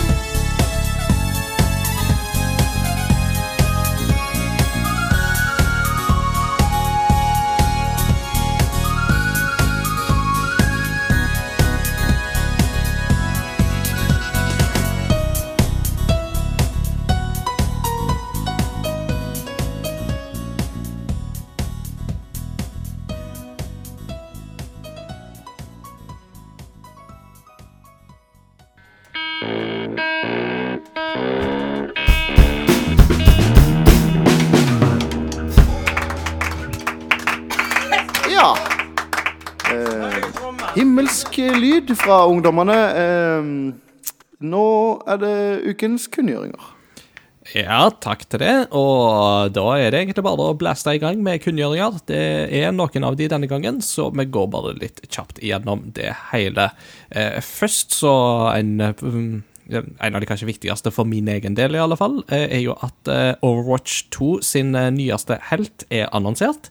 Det er Echo, som vi har sett i annet kortfilmen med Ash og McCree, og som vi så i traileren til Overwatch 2. Eh, og de kan òg bekrefte at eh, Echo blir den siste helten som lanseres i Overwatch før Overwatch 2 blir lansert. Personlig så var jeg litt overrasket over at de faktisk lanserte Echo allerede nå, men det er vel kanskje for å gi spillerne noe nytt uh, å jobbe med uh, før Overwatch 2 eh, kommer ut. Um, neste sak er det at um, spillbransjen blir jo ramma av uh, covid-19, de òg, til en viss grad i alle fall. Ting har jo blitt litt kansellert. Final Fantasy 7 Remake blir ikke kansellert eller uh, lignende, men hvis du har bestilt et fysisk eksemplar, så kan det bli forsinka, har Square Enix meldt. Uh, Så det er ikke gitt at du får det 10. april. Men hvis du bor i Norge, så får du ikke det i posten 10. april, for det er langfredag. Så lykke til med det. Eh, Neste er at det er ikke bare Star Wars som deler ut dobbel XP. Eh, World of Warcraft gir dobbel XP til alle spillere fram til og med 20. april. Så dette er en god anledning til å kaste seg inn i Azeroth, eh, enten det er for The Alliance eller for The Horde. Arbeidsforhold i USA skal vi litt innom. Og GameStop California de prøvde så godt de bare kunne å holde GameStop åpen, eh, selv om alt annet i California stengte. Og de begrunna det med at nei, GameStop vi driver med essensiell eh, varehandel fordi vi selger webkamera og mikrofoner. Hmm. Og dermed så var de essensielle på lik linje med dagligvare og medisiner. Uh, er vi enige i det, gutter? Nei, jeg syns det var litt synd for GameStop sitt renommé. Det har jo gått litt ned. Jeg skjønner at de er litt desperate, og de, har liksom, de kommer til å gå konkurs i framtiden, kanskje. Men eh, det var litt trist, uh, syns jeg. Fordi jeg er jo glad i GameStop, så det var dumt at de utsatte sine arbeidere for den faren. Mm. Nå har de vel å merke stengt, men eh, med, det men eh, med en ganske sterk eh, slagside, for at de lønner da ikke sine ansatte som på en måte blir permittert midt oppi det hele. Så USA kunne i dag melde om tre, en økning på tre millioner arbeidsledige etter at eh, de iverksatte covid-19-tiltak, så det er ganske krise der borte nå, altså. Så ja. Uff. Det er godt vi bor i Men Norge. vi, ja. Men vi kan ikke slutte på en sånn bummer på som det der. Så eh, de som derimot kunne bidra med litt glede og stemning i dag, det var Nintendo. For plutselig, ut av det blå, så hadde de en Nintendo Direct Mini. Og der var det litt eh, forskjellig innhold på en halvtime. Så eh, vi kan jo blaste litt kjapt igjennom det òg. var det noe spesielt der som dere hadde lyst til å trekke fram? Forresten? Jeg, jeg rakk, eh, rakk ikke se så mye, så jeg rakk bare se den første biten om uh, Cineberg Chronicles uh, Var det remake? Rema nei, hva de kalte den for noe? Definitive Edition. Ja. Som får Eh, en veldig kul Collectors Edition. Yay! Nettopp, det var det jeg skulle til å si. Den var veldig kul. Eh, eller den var en Collectors Edition som inneholdt ting som er Som faktisk har en reell verdi, da. Eller sånn herre Veldig mange Collectors Editions har liksom inneholdt ah, et spillkort og en mynt og Så her var det Mm. liksom Steelbook. eh, ikke LP. fullt soundtrack på vinyl, men var utdrag. Eh, nedlastningskode til hele soundtracket. eh, Mhm. Og artbook. Og en Mm. plakat. Ja. Eh, Så det var smooth, altså. Og det soundtracket er så bra. ja, det er veldig kult. Men eh, det så jo vel Ja, Mm. det så jo veldig Det var er en fin upgrade fra Wii-versjonen, iallfall. Det Aha. kan du trygt si. Det ser jo veldig, veldig mye penere ut. Absolutt. Så det Og det kommer 29. mai. Mm. Det er vel Det er vel Jeg håper ikke at det er samme dato som The Last of Us Part 2, men det er liksom rett rundt der at The Last of Us Part 2 kom ut òg, så det er litt risikabelt å gi det ut da, men jeg tenker vel at eh, Nintendo vet at eh, de som vil ha Xenoblade, de vil ha Xenoblade, Ja. Det er ikke og sånn går for det eh, uansett, så Det er jo ikke et spill folk kjøper fordi at de, Eller, jeg vet ikke. Ja. De som vil ha et JRPG, de kjøper det. Mm, ja. Ikke sant. Eh, så snakka snakk om JRPGs, så var det jo et annet stort et som de viste en god del av. Det var Bravely Default 2, som jeg gleder meg veldig til, iallfall. Mm. Um, og det får de en demo, en demo som er ute nå, som går an å spille, og der du kan gi feedback. Uh, så det er jo veldig kult. Uh, Panzer Dragoon Remastered sniklanserte de da i dag, i denne her. Så det går eh, nå an. Ja. Så nå kan du gå på Switch, og så kan du spille Panzer Dragoon. Stas. Det gleder jeg meg skikkelig til. Åh, dere skulle sett Mats Jakob nå, altså. Nå ble han skikkelig glad. Åh, åh, det var Sava. Gøy. Det var veldig mange ting i den videoen som var sånn Ja, og det er ute nå. Det kan du spille Så nå. deilig. Nei, Mm. eh, Panzer Dragoon er jo litt sånn der eh, Det kommer ut på Sega Saturn, så det er vel Altså, det er ikke så mange som har spilt det, og, og det er veldig Sega Saturn kino! Sega! Nei, sånn at eh, eh, Ja, hvis du liker uh, rail shooters, så er det cream of the crap. Mm -hmm. Mm. Rett og slett. Um, og så har de annonsert f eh, neste fighter i Super Smash Bros. Ultimate, som da er den første i del to uh, DLC-pakken. Og nå får de endelig Arms, uh, rollefigurene, skal inn i eh, inn i Super Smash Bros. Det har egentlig overraska meg har tatt så lang tid. Men uh, de har ikke annonsert hvem fra Arms som skal være spillbar, men det er iallfall én av fighterne. Og det er litt kult. Litt skuffa at ikke det var noen fra Fire Emblem, altså. Litt skuffa. Litt, litt skuffa. Jeg syns ikke det er nok. Det er jo nesten 10 av rosteret er jo Mm. Fire Emblem. Det er ganske dritt. Sjøl jeg som Fire Emblem-fan på min hals syns det er for mange Fire Emblem characters, så det var egentlig veldig godt at eh, de tok til vettet. Det hadde gått greit hvis de hadde permadeath i Smash, så hvis du tapte med den karakteren, så forsvant han fra rosteren. Så det er litt sånn Ja! Åh, det, det er liksom Det er liksom barometeret på hvor sweat gamer du er i Smash. Ja, jeg har fremdeles alle Alle charactersene, uh, og de har masse chaos. Ja, ja. Fantastisk. Porselensdokker, liksom. Nei. Og så er det jo et par andre ting. Eh, Jeg nevnte jo dette her med rytmespilltillegg i Ring Fit Adventure, som da er gratis for de som har Ring Fit Adventure. Ring Fit Adventure får òg litt andre kule features. Um, og så annonserte de at Star Wars Jedi Academy kommer på Switch. kult. Uh, det er vel i mai en gang, tror jeg.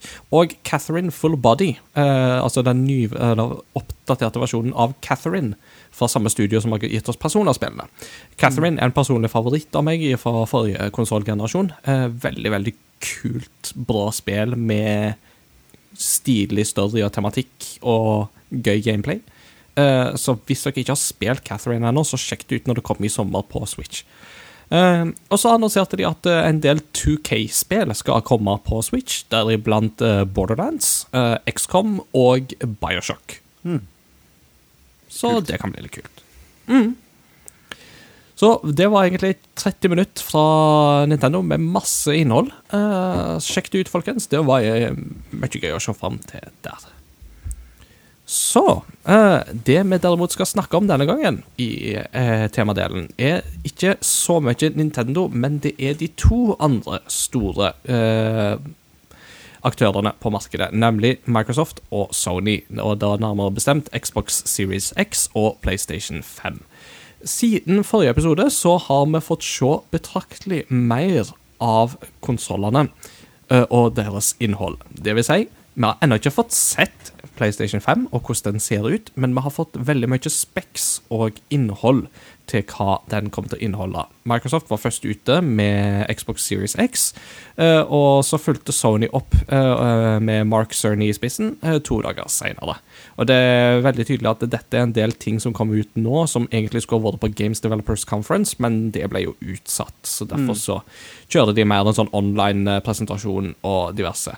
Mark Cerny sin presentasjon bærer veldig preg av det at dette er egentlig en presentasjon han skulle hatt for spillutviklere, så den kan være litt tørr, men det er ganske mye spennende informasjon der òg. Så uh, vi kan jo begynne med Xbox Series X. Uh, der var det jo annet Digital Foundry som hadde fått lov å se og leke seg litt mer med konsollen og ta den litt ifra hverandre og se på den og sånt. Anbefaler varmt å se Digital Foundry sine videoer om både Xbox og PS5. Men eh, sånn ut ifra oss her, hva er førsteinntrykket av eh, Xbox Series X, av eh, det som jeg har sett så langt? Jeg syns jo um, det som eh, Hva skal jeg si appellerer med den, da, er jo Eller sånn Ikke til meg, men nå tenker jeg liksom først det objektive, da. Er jo at den virker som at den pusher specs eh, pakka ganske mye hardere enn noen konsoll noen gang har gjort før. Og at det er litt sånn up to date eh, med PC-er, eller kanskje enda litt over. Det har vi snakka mm. litt om før. At det er det er interessant at de faktisk går det skrittet. Og det er kanskje veldig naturlig at det er Microsoft som gjør det, da, før noen andre. Men eh, det er jo et veldig interessant skritt, eh, fordi Nintendo har jo alltid gått litt i motsatt retning av det. Sånn at det blir skillet tror jeg blir enda større. Eh, og at eh, kanskje Microsoft og Sony ikke liksom prøver å presentere den samme retten, på en måte. Men at de prøver å skille seg litt på en god måte, da, og ikke på liksom mediasenter-måten som Microsoft prøvde ved forrige generasjon. Eh, det syns jeg er interessant. Ja, TV, TV, Call Duty, Call Duty. Um, men eh, også syns jeg det er kult med den bakoverkompatibelheten. Er det dette? Bakoverkompatibiliteten? Bakoverkompatibiliteten. Thank you. Uh, du er den skriftlærde oss. men uh, Fariseren Ingar. Oi! uh, nei, eh, det syns jeg er interessant, da.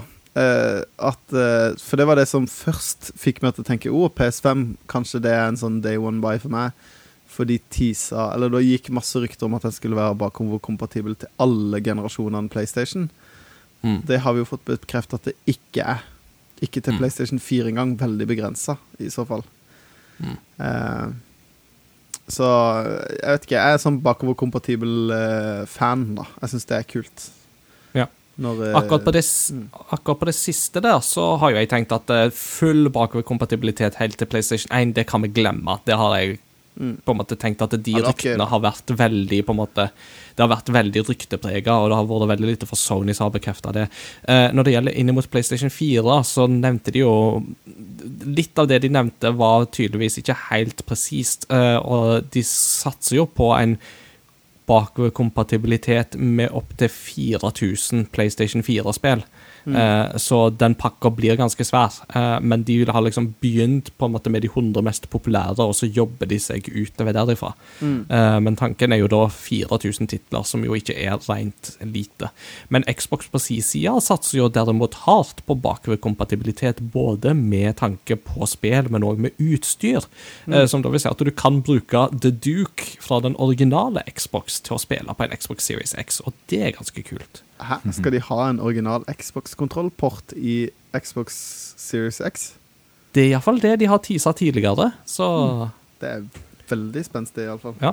Men det som er ekstra spennende på akkurat den fronten, som jeg likte veldig godt med tanke på det som jeg satt igjen med etter første Som jeg sa, førsteinntrykk, er at eh, Play, uh, Xbox 360 og Xbox One-titler vil få en HDR-skalering, selv om de i utgangspunktet ikke er laget for det. Og det syns jeg er veldig spennende, og ikke minst veldig gøy, med tanke på at jeg nå har en HDR-TV og har oppdaga hvor nydelig det kan være. Så syns jeg at det er kjempespennende å få en sånn reversert HDR-løsning. Uh, og det var litt sånn ja, hvordan skal det funke? Uh, vi snakket om det på den Game Rector-podkasten, og eksempelet som jeg kom på da, det var sånn Tenk på Gameboy-spill som du spilte på Gameboy Color. Mm. For de òg fikk jo farger, uh, selv om de i utgangspunktet ikke var lagd med farger. Mm. Uh, så det blir jo Se for deg noe tilsvarende, bare betraktelig mer avansert. Eh, Ja. Og da blir det fort litt moro, altså. Men det, jeg, føler, jeg, jeg skjønner hva du mener, men jeg føler også liksom å legge til HDR er mye vanskeligere enn å bare legge farger på noen piksler, som før ikke ha, hadde piksfarger. Absolutt. Eh, jeg, men jeg skjønner bildet ditt, da. Men, men, eh, men det er jo en ganske mye større feat å få til, da. Eh, Mm. eh, Ikke sant. Martin, har du noe førsteinntrykk fra Xbox eh, Series X som du sitter igjen med? Nei, altså, de flekser jo muskler, da. Det er jo den objektivt sterkeste spillkonsollen. Um, jeg må jo ærlig innrømme at uh, jeg er ikke så interessert i Spex-biten Litt for meg som å diskutere printekunst eh, eller printeteknikk istedenfor å snakke om bøker, på en måte. Men eh, når det er sagt, så um, er jeg spent på forskjellen mellom Xbox og PlayStation. Eh, PlayStation har jo på en måte bedre indre minne, virker det som.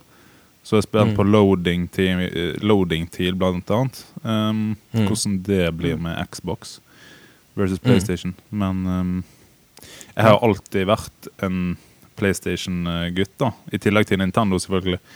Men um, Så for meg så er det viktigste med um, de unike titlene til hver uh, konsoll, da. De, spill, Mm. de eksklusivene. Uh, Mm. Men det er jo spennende å se hvor hardt de pusher grensen. Um, og Ja. litt det her med at ehm, Det var vel eh, Var det eh, CPU-en Ja. At eh, Nei. Ja. To sekunder. To sekunder. Men det var Mm. Jo. GPU-en, mener jeg. At uh, Xbox går for uh, 52 CU-er, mens uh, PlayStation går for 36. Mm. Um, men PlayStation sine er kraftigere. Ja. Eh, så det er jeg spent på Mm, å se. og det, ja, og mm. Sorry. Uh, for akkurat det er litt interessant, for det var noe sånn Digital Foundry var inne på òg, med at eh, i forhold til dette med kjerner og uh, CPU, um, og med tanke på type te- te- og den slags, så er det ikke Altså, der har det skjedd en del ting, sånn at en kan liksom ikke bare på en måte si at eh, liksom en, en, en teraflop på en PlayStation 4 og en teraflop på en PlayStation 5 er ikke tilsvarende i størrelse med tanke på prosesseringskraft og lignende. Uh, så du kan si at hvis man på en måte skulle tatt det litt mer sånn Hvis man skulle tatt tilsvarende ekvivalenter, så hadde nok på en måte uh, PlayStation 5 og Xbox ligget på en omtrentlig lik linje, uh, ifølge Cerny, som jo er hovedarkitekten bak PlayStation eh, 5. Eh, og, og det er litt sånn interessant på en måte når vi skal på en måte måle disse tallene òg, å se på en måte med at det, her er det ikke bare på en måte å måle tall opp imot en annen med tanke på konsollene, men òg bare med at det, måleenhetene har til en viss grad blitt omdefinert siden, siden sist, og at man på en måte har mer juice å, å pakke inn enn det man har hatt før. Mm. Vi får se om en av konsollene flopper. Terraflopper.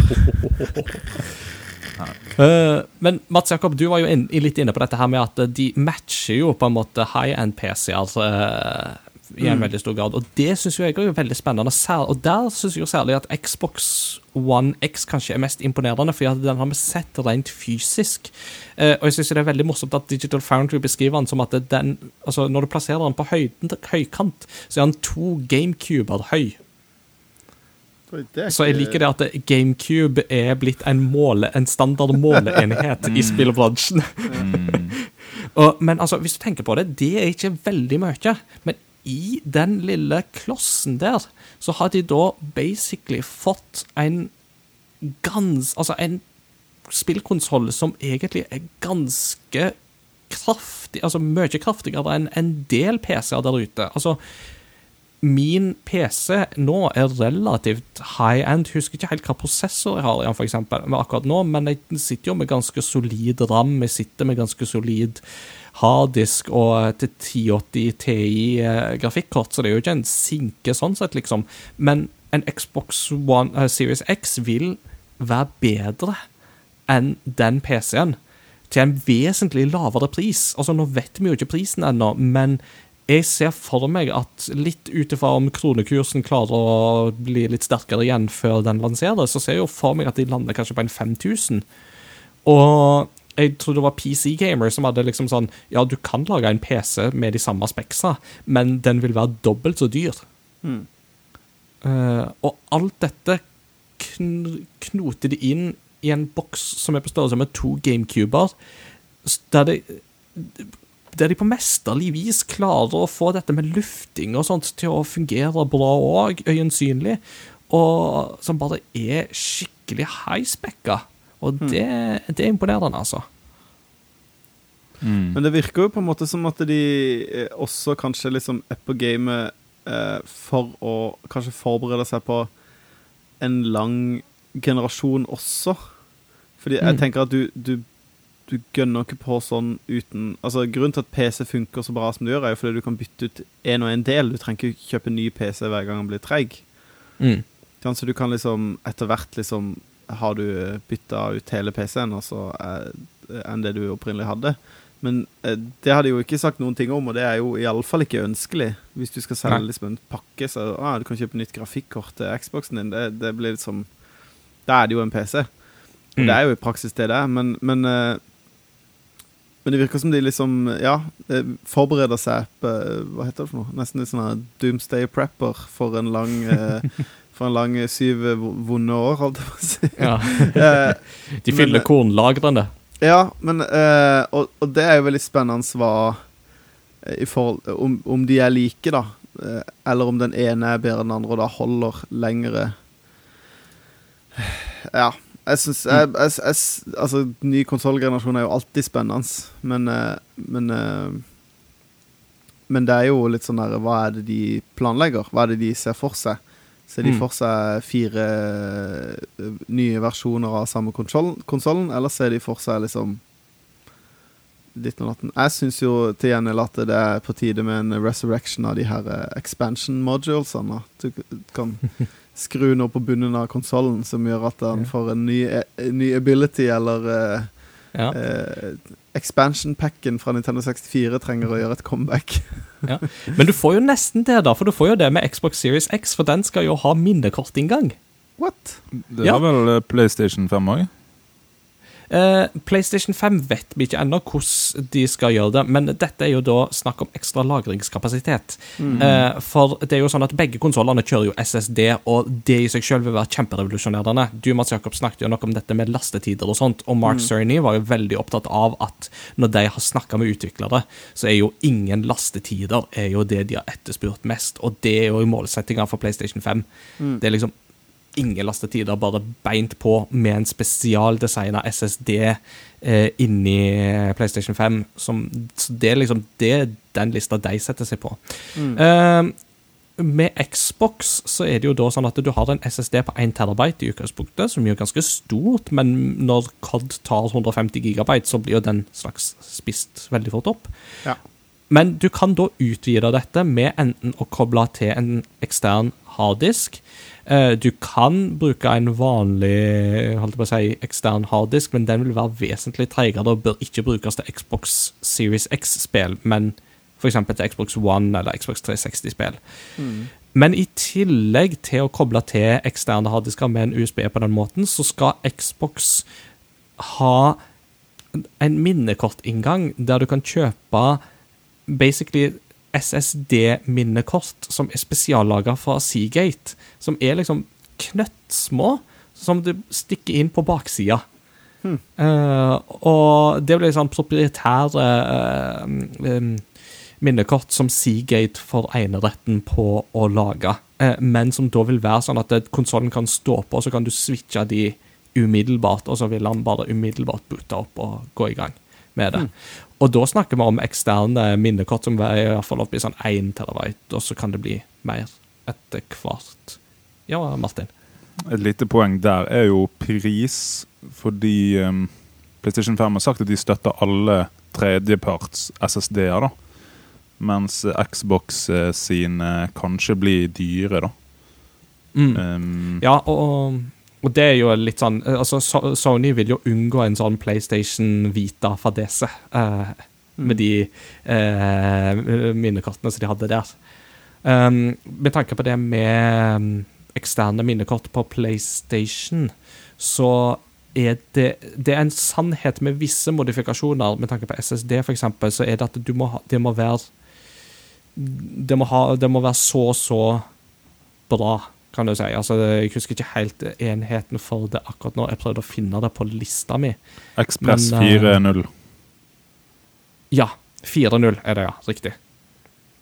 Uh, så um, hvis du bruker en SSD, så må den ha det, da. Uh, hvis den kobler den til. Uh, nå vet vi jo ikke om det blir en egen sånn slott som du putter det inn i, eller om du må koble det til med USB, men det, det gjenstår jo å se.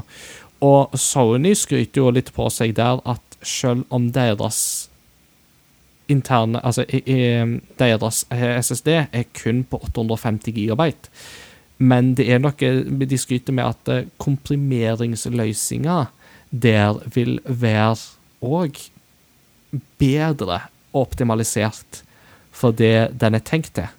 Så de Mm. mener likevel at det skal holde et godt stykke på vei. Mm. Og det blir jo interessant å se om de faktisk klarer det, da. Ja. Jeg jeg er veldig nysgjerrig på om de i det hele tatt får det til, for jeg syns ikke en eneste konsoll noen gang har fått det til. Det har jo aldri vært nok. Mm. Og Wii U er jo den verstingen som hadde du kunne velge mellom 8 eller hele 32 gigabyte, når de andre tilbød 500 gigabyte. Mm. Eh, Det kommer ikke så veldig mange spill til Wii U, da, så du kunne sikkert lasta ned alt sammen og fått plass på 500 gigabyte, eh, men eh, Men det var jo det første jeg gjorde når jeg kjøpte Wii U, var jo å gå og kjøpe mer minne. Altså, Mm. Og det er jo ikke det du egentlig vil. Det blir jo litt som eh, Ingars eh, GameCube-minnekort-hjul en gang til. Mm. At det er sånn Å, du har den, men jeg har jo ikke noe minne. Altså, det er jo ikke plass til noe. Mm. Altså, den Jeg har den hvite Wii U-en med 8 gigabyte, så heldig som jeg er. Og det er jo ikke plass til, sa det er ikke plass til alle savene mine engang på den. ja, jeg hadde to sånne Klass Olsson-minnepinner inni Wii U-en. Au! Good Eh, times. Eh, Ja, nei, ja. så det var Ja, og det er sånne, der, sånne ting som det òg har eh, Si du skal smelle i to harddisker da på, eh, på PS5-en. Har den strøm nok til å drive det, eller er det sånn du må ha med, egen, med ekstern strømforsyning og sånne ting? For det er òg et problem. Mm. Sånn. Skal du smelle det inn i TV-benken i tillegg, og ha liksom Plutselig skal du, PlayStation ta, fire, ta tre stikk, da. De har ikke sagt noe om akkurat det, da, da men det blir jo interessant å se. Martin, eh, hadde du noen takes? Eh, jeg skulle bare si at eh, når det kommer til SSD-ene mellom de her, da, der virker det som at PlayStation vinner. Eh, siden PlayStation har De har en mindre Altså 825 gigabyte SSD, men de har 5,5 gigabyte per sekund. Mens eh, Xbox har en 1 terabyte SSD med 2,4 gigabyte per sekund. Så Mm. akkurat eh, loading-timen Det blir spennende å se. Liksom, Ja. er den mye lengre på Xbox? Mm. Og det er jo det, ikke sant, at når Mark Cerny sn snakket veldig om dette her med liksom ingen loading-tid, er virkelig på en måte noe av det som de pusher mot med neste konsollgenerasjon, og som virkelig er etterlyst. Og det er virkelig på en måte det de òg har i praksis bygd hele PlayStation 5 for å takle. Eh, det òg forklarer jo litt om hvorfor de har dette som de kaller for variabel frekvens på CPU-en eh, på PlayStation 5. Altså gigahertzer og teraflops er på papiret mindre på PlayStation 5 enn på Xbox Series X, men PlayStation kjører det som de kaller for en variabel frekvens, som vil f.eks. si at prosessoren kan shippe over ledig eh, prosesseringskraft over i eh, eh, grafikkortet, eh, som da på en måte gir den en ekstra boost, og gir den på en måte mer kraft til å takle mer data på veldig kort tid. Og det å på en måte kjøre sånne variable frekvenser så det der, er altså Mobiltelefoner gjør noe av det samme, men blir veldig fort oppheta. Og dette vil på en måte, med den løsninga som Sony legger seg på, så skal man unngå den problemet. Nå tror jeg Martin var først. Ja, altså det er noen, Hvis noen kan vinne for meg, så er det hvis PlayStation lanserer God of War 2 til launch. No loading. Mm. Altså, det var ganske revolusjonerende, syns jeg, med God of War til PS4. Det var bare en hel scene i hele spillet, liksom. Du blir så sykt dratt inn i den immersion, da. Mm. Så de som klarer det i så høy eh, oppløsning, ja, Mm. vinner. Det er jo litt sånn der eh, Hva skal jeg si, tilbake til Sega Saturn, da. Men eh, eh, at eh, Jeg har på en måte at ikke den blir vanskelig å utvikle for, da, med sånne ting som er nytt i spillverdenen. At du At det er Altså, hvis det er sånne ting som er automatisert, da, at maskinen bare fordeler arbeidskraft eh, automatisk, eller om utvikleren må sitte og, og fortelle Altså kode inn hvor skal å ja, at du sitter med sånn her Ja, her er det fullt, OK, da henter vi litt derfra og ditten og natten i de situasjonene og sånne ting, da. For da kan det plutselig bli veldig komplisert.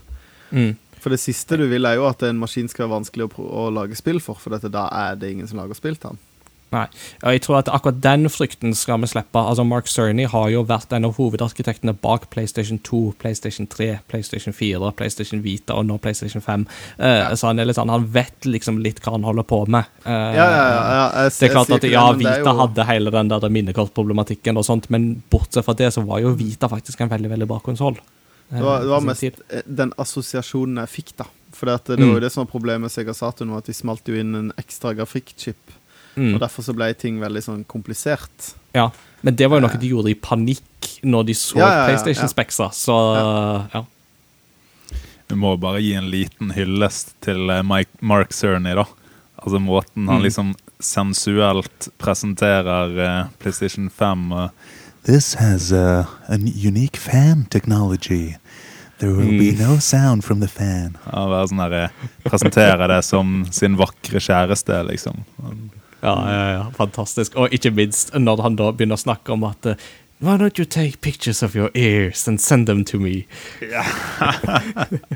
for, det, for det bringer oss over på det neste steget som jeg syns er veldig spennende. Som der Sony kanskje har et S i ermet eh, over eh, Microsoft og Xbox, og det er på lyddesignet. Eh, altså de Nå husker jeg ikke helt de fagterminologiske begrepene for dette, men Sony satser med PlayStation 5 på et lydbilde som er langt mer tredimensjonalt. Eh, altså, jeg tror det ikke blir riktig å kalle det stereoskopisk, men altså, et eksempel som Digital Foundry brukte, for eksempel, er dette her med at eh, lyden av regn for eksempel, kan fort bli veldig platt når man skal på en måte simulere den lyden, fordi man tenker på det som én lydkilde. Men regn er jo faktisk ikke én lydkilde, det er jo tusenvis på tusenvis på lydkilder som kommer fra hele spekteret rundt deg. Eh, og det er det de skal forsøke i en langt større grad å simulere med PlayStation 5s lyddesign. Eh, noe de jo da òg gjør på en måte med liksom sånn dette skal på en måte mer eller mindre bli tilpassa din øregang, og det er nettopp der eh, liksom ditt øre og din øregang, og det er derfor Cerny vitser med at det er, ja, send oss bilder av ørene deres, sånn at vi har data å jobbe med. Eh, men jeg, jeg bare tenker liksom Hvis dette er noe de faktisk kan få til, så kan vi få noen helt utrolige opplevelser. Og spillet som jo virkelig jeg trekker fram som et eksempel der, er jo Hellblade, Senua Sacrifice. Ja, For ja, ja. det spillet, altså noe av det som det spillet gjorde når du spilte Fordi at Hellblade er jo et spill der hovedpersonen har psykose, så hun hører jo stemmer i hodet sitt. Og måten de, de tok opp dette på i studio, da hadde de liksom brukt en sånn 360 graders mikrofoninnretning. Der folk har liksom gått rundt mikrofonen og snakka inn igjen. Sånn at når du sitter og spiller det spillet med hodetelefoner på, så vil du høre de stemmene fra 360 graders vinkler rundt omkring. Og derfor så må du spille det spillet med hodetelefoner på. For at du får ikke den effekten med vanlige PC-høyttalere. Hvis noen eh, lurer på hvordan den effekten høres ut, og ikke vil gå så langt som å spille Hellblade, så er det en video på YouTube som heter Virtual Barbershop, Okay. eh, hvor du blir klipt. Og da hører du på en måte at han klipper i nakken, og at han går rundt der og prater og sånn. Men det var sånn greie jeg husker jeg hørte Det her så jeg jo på Det er en av de, sikkert en av de første videoene jeg så på YouTube, eller hørte. For det var på videregående. Men jeg bare ble helt sånn eh, Wow, det går faktisk an å høre at han er bak meg, og at han er ikke bare bak meg, men han er liksom bak og litt til høyre, og du hører liksom hvor han er, da. Mm. Mm. Eh, så hvis du ikke har liksom opplevd det, for det, det er ganske fett Så hvis, Ja. du, hvis de får til det Det eneste problemet er at du blir jo nødt til å spille alt med headset, og det er jo ikke alltid det man vil. Eller ha et sinnssykt surround-anlegg. Ja, for det er liksom det at de skal prøve å gjøre dette her mye mer tilgjengelig. Uh, Mm. utover, altså De skal ha det for vanlige TV-høyttalere, de skal ha det for stereohøyttalere, de skal ha det for hodetelefonhøyttalere. Altså Dette skal på en måte pushes ut til det fulle, da. Uh, og det, hvis de får det til, så snakker vi om veldig revolusjon på, en, på et område som ikke har blitt så veldig revolusjonert på gamingfronten ganske lenge. Og Mm. det er jo litt sånn morsomt òg, for Sony snakket jo om at uh, når vi liksom gikk ut til utviklere og sånt for å høre hva vil dere ha med neste konsollgenerasjon. Hva er det dere er på jakt etter? Hva ønsker dere? Så det er ofte på en måte lead-designere, altså hoveddesignere sånt, som var liksom sånn Ja, ingen lastetid og sånne ting. Så. Men han bemerka seg at lyddesignere de var veldig stille, så de måtte nesten oppsøke de aktivt, for de er ikke så vant til å bli hørt. Mm. Ironisk nok.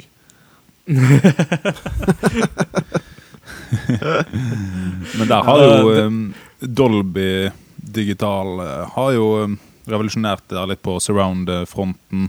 Blant annet Overwatch kan du jo spille med um, surround-lyd i headsetet. Mm. Og sånn som Atmos òg er jo på en måte pusher liksom det ytterligere, men nå vil på en måte Sony på en måte gå enda et skritt. Og bare tenke at hvis dette lar seg gjøre, så er det utrolig spennende. Mm. Og det, det er veldig kult. Det, det Altså, vi snakka jo litt om pris i stad, da. For Mm. dette får meg til å tenke litt om pris eh, eh, på spill. Ja. På, dette er ting som tar mye lengre tid å produsere enn å bare produsere et stereospor. Mm. Eh, og, og, og jobbe med Ja, kanskje med enda litt mer Enten Altså, ja, det er jo ikke sikkert det blir sånn, men mer krevende arkitektur i maskinen. Og eh, jobbe med ingen lastetider og spill som er på størrelse med et lite hus. Eh, så eh, så er jo pris på maskin er jo én ting. Og, og maskiner er jo, blir jo på en måte De blir jo ikke dyrere og dyrere, egentlig. Det er jo altså Hvis du ser på sånn konsumpristing, da, så er det jo maskiner kosta, har jo alltid kosta noen, eh, noen, eh, noen laken, for å si det sånn. Ja. Men, men er liksom ikke interessert i at pris at, Eller det er jo ingen som vil at spill plutselig skal komme opp i liksom 1000-kronersklassen, eller liksom begynne å krype mot det, da sånn som det var i på de verste eh, Nintendo 64-tidene, når et kart kosta 999 kroner. Mm. For det, da er det plutselig en veldig, veldig dyr hobby å På- spille på- spill.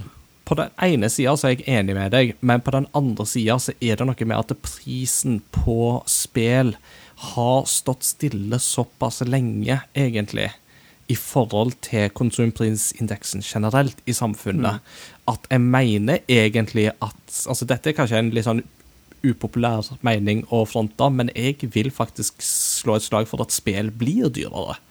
Fordi produksjonen er faktisk dyrere, og for å sørge for at de som utvikler dette, faktisk blir betalt den lønna jeg syns de fortjener, så mm, er løsninga at enten så må faktisk spill bli dyrere, eller så vil de pushe på oss enda flere dårlige betalingsløsninger som lootboxer og, og lignende.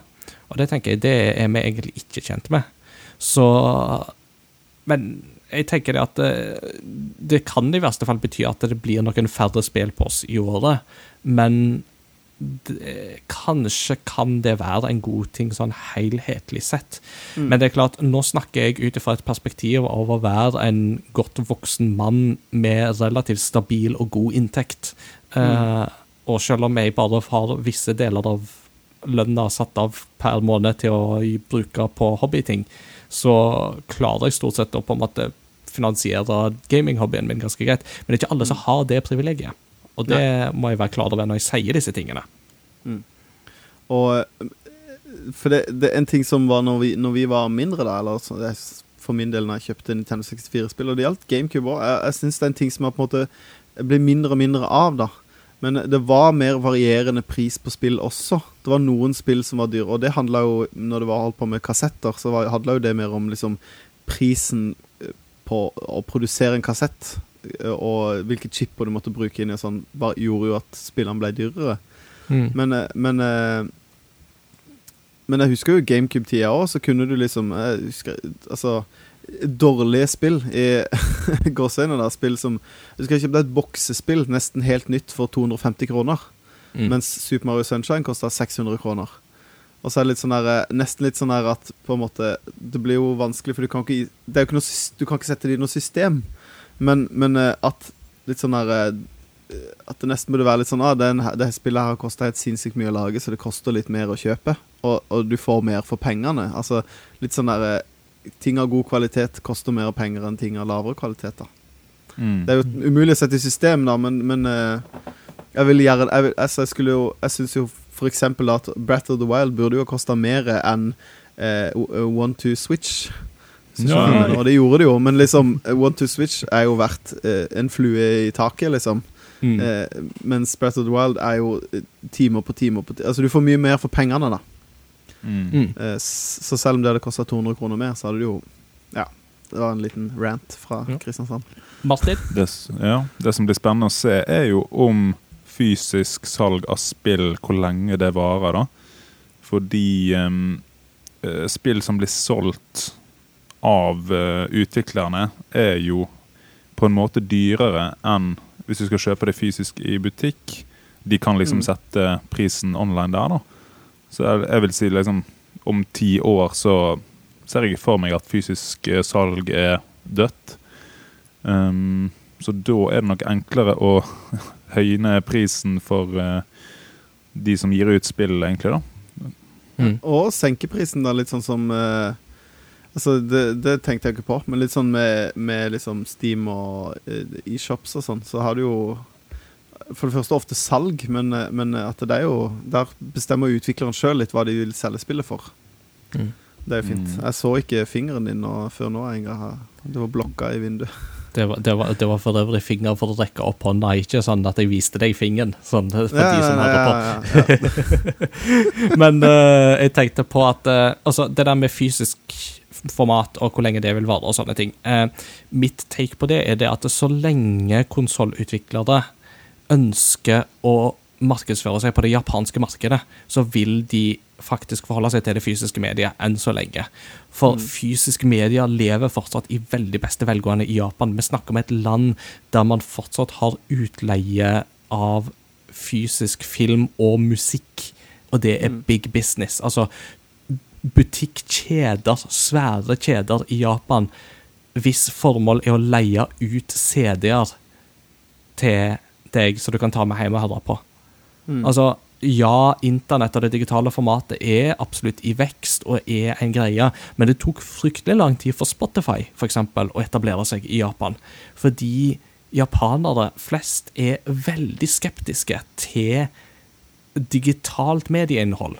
Og Mm. ting som man på en måte kun får digitalt. Og det håndfaste fysiske mediet lever fortsatt veldig, veldig i beste velgående i Japan, og bruktmarkedet i Japan er òg veldig sært.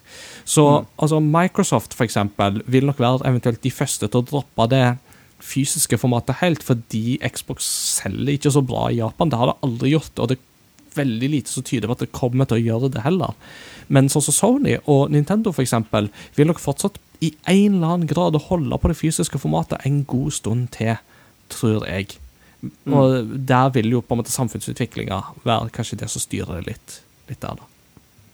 Det kan jo Altså, innspill til det der er jo at det, det kan jo hende at de slutter å selge fysisk utenfor Japan Mm. også.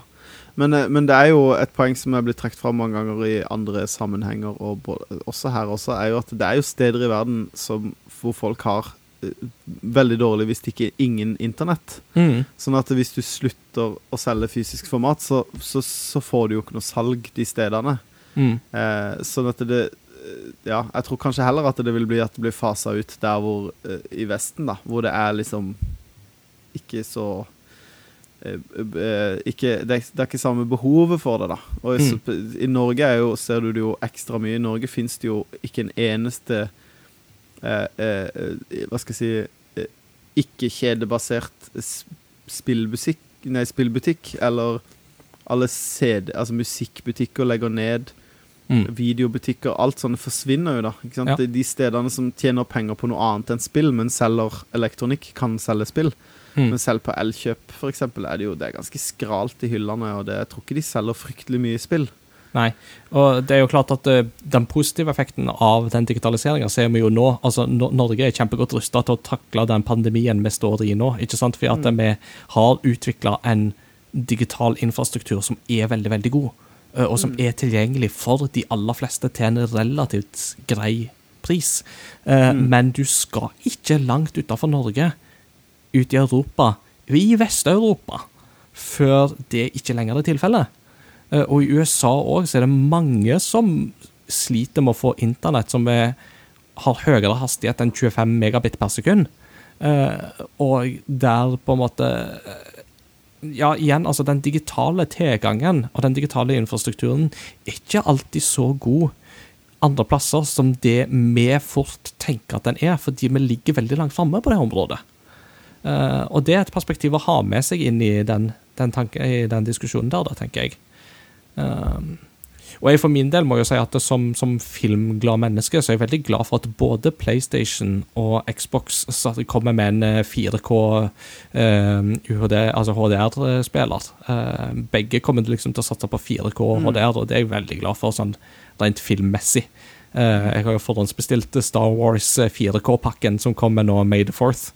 eh, som jeg bare gleder meg til å gi meg i kast med, altså. Som, Eh, og det er jo sånn, i disse dager så setter jo Netflix ned strømmekvaliteten, YouTube setter ned kvaliteten og sånn for å på en måte ikke overbelaste internett, og det viser jo det at eh, for liksom For det store konsumermarkedet så kan de fleste klare seg med digitale løsninger, men vil du virkelig på en måte være en feinschmecker som på en måte vil på en måte se det til liksom pureste kvalitet til enhver tid, så har det fysiske formatet fortsatt en plass, altså.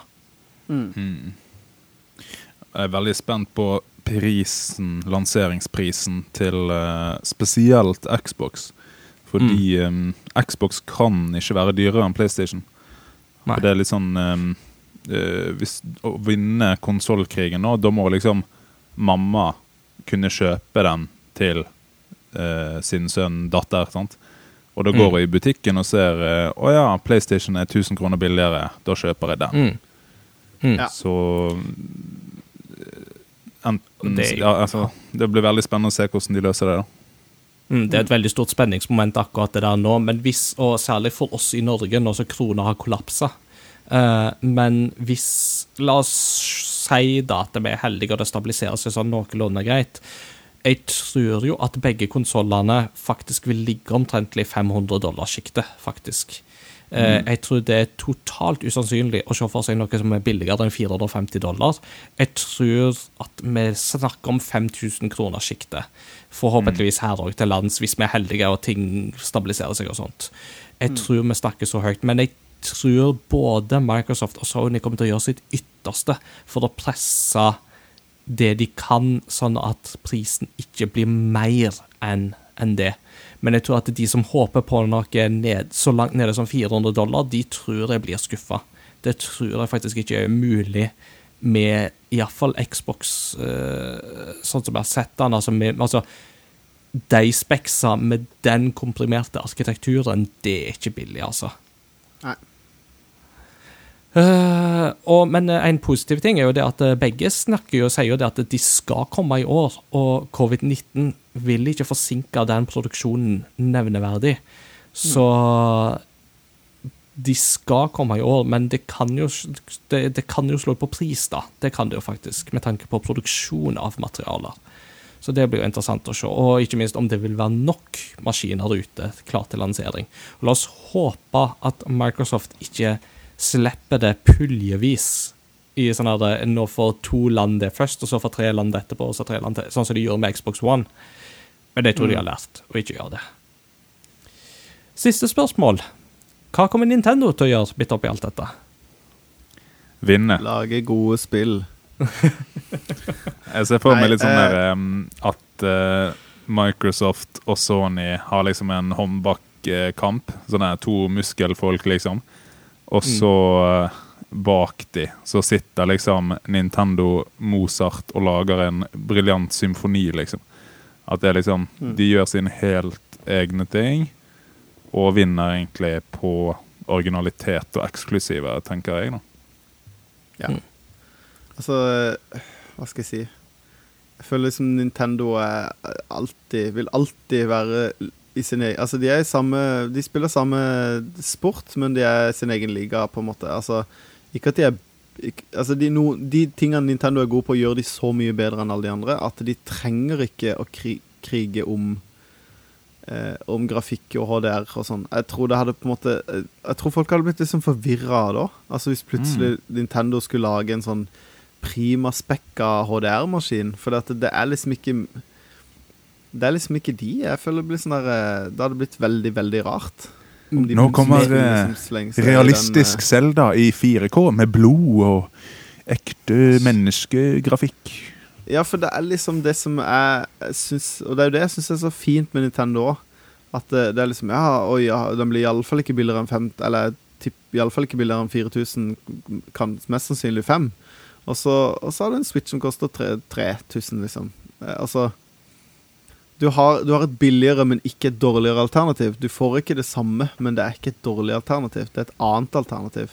Mm. Eh, og det syns jeg er veldig fint. Det hadde vært Altså, det hadde vært kjempetrist om de plutselig skulle forsvinne. Da hadde det blitt et veldig sånn monotont eh, eh, spillmarked. Iallfall sånn Da hadde, det hadde forandra ting veldig. Og jeg tror jo virkelig ikke at de kommer til å forsvinne. Det trodde jeg ikke før Switchen kom heller, når Wii U-en gjorde det dårlig. Det er ikke første gang det har floppa i eh, Kyoto. Eh, Men eh, jeg vet ikke. Jeg, altså Breath of the Wild 2, jeg tror det kommer til å bli en smash hit, det òg. Mm. Eh, de viser at de kan lage spill i samme sjangere som man før tenkte at var forhånds, forbeholdt de andre. Eh, det, man må ikke ha den peneste grafikken i verden eller den kraftigste maskinen for å, lage, for å ha sånne spill. Og så er det ingen av de andre som klarer å lage det Nintendo lager. Altså Ja, jeg, eh, jeg tenker jo det at etter å ha spilt Ori and eh, The Will of the Wisps i liksom 4K HDR 60 frames per second, og liksom sett på en måte hvor vakkert det kan fortone seg, da, så eh, må jeg jo si jeg hadde jo frista med Breath of the Wild med noen av de tilsvarende funksjonene. Det, jeg hadde ikke sagt nei til Nei, en. Switch Pro uh, med liksom de mulighetene, men mm, til syvende og sist er det jo eh, likevel spill Altså, Breath of the Wild er jo fortsatt tidenes beste spill for meg, Uh, med liksom de grafiske begrensninger som Switch har i forhold til, uh, til konkurrentene, men Switch løser det, altså utviklerne løser det på så elegante måter at det får Mm. veldig lite å si. Ja. Um, og jeg tenker jo som så at er det jo ett område der Switch fortsatt kommer til å dominere, eller Nintendo kommer til å dominere, så er det jo nettopp det med at Switch er en hybridkonsoll som går an å ha med seg på farten. Både PlayStation 5 og Xbox vil jo være låst lokalt.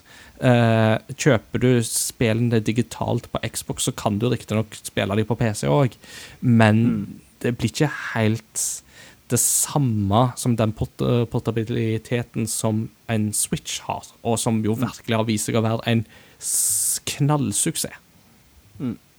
Og jeg- jeg føler på en måte eh, eh, Hva skal jeg si en, Et bevis på at Nintendo eh, har en, en, Ja, som vi snakker om, en annen rolle, da. Eh, er jo at de fleste Veldig mange har jo enten Xbox eller PlayStation og Switch. Mm. Ikke sant? Og det var jo eh, Jeg har jo ikke det, men eh, jeg er jo For meg er det jo Nintendo first. Eh, men veldig mange har jo det fordi at ja, så de, de får noe du ikke kan tilby på Nintendoen, og du, ja, som du sier, ta den med. Mm.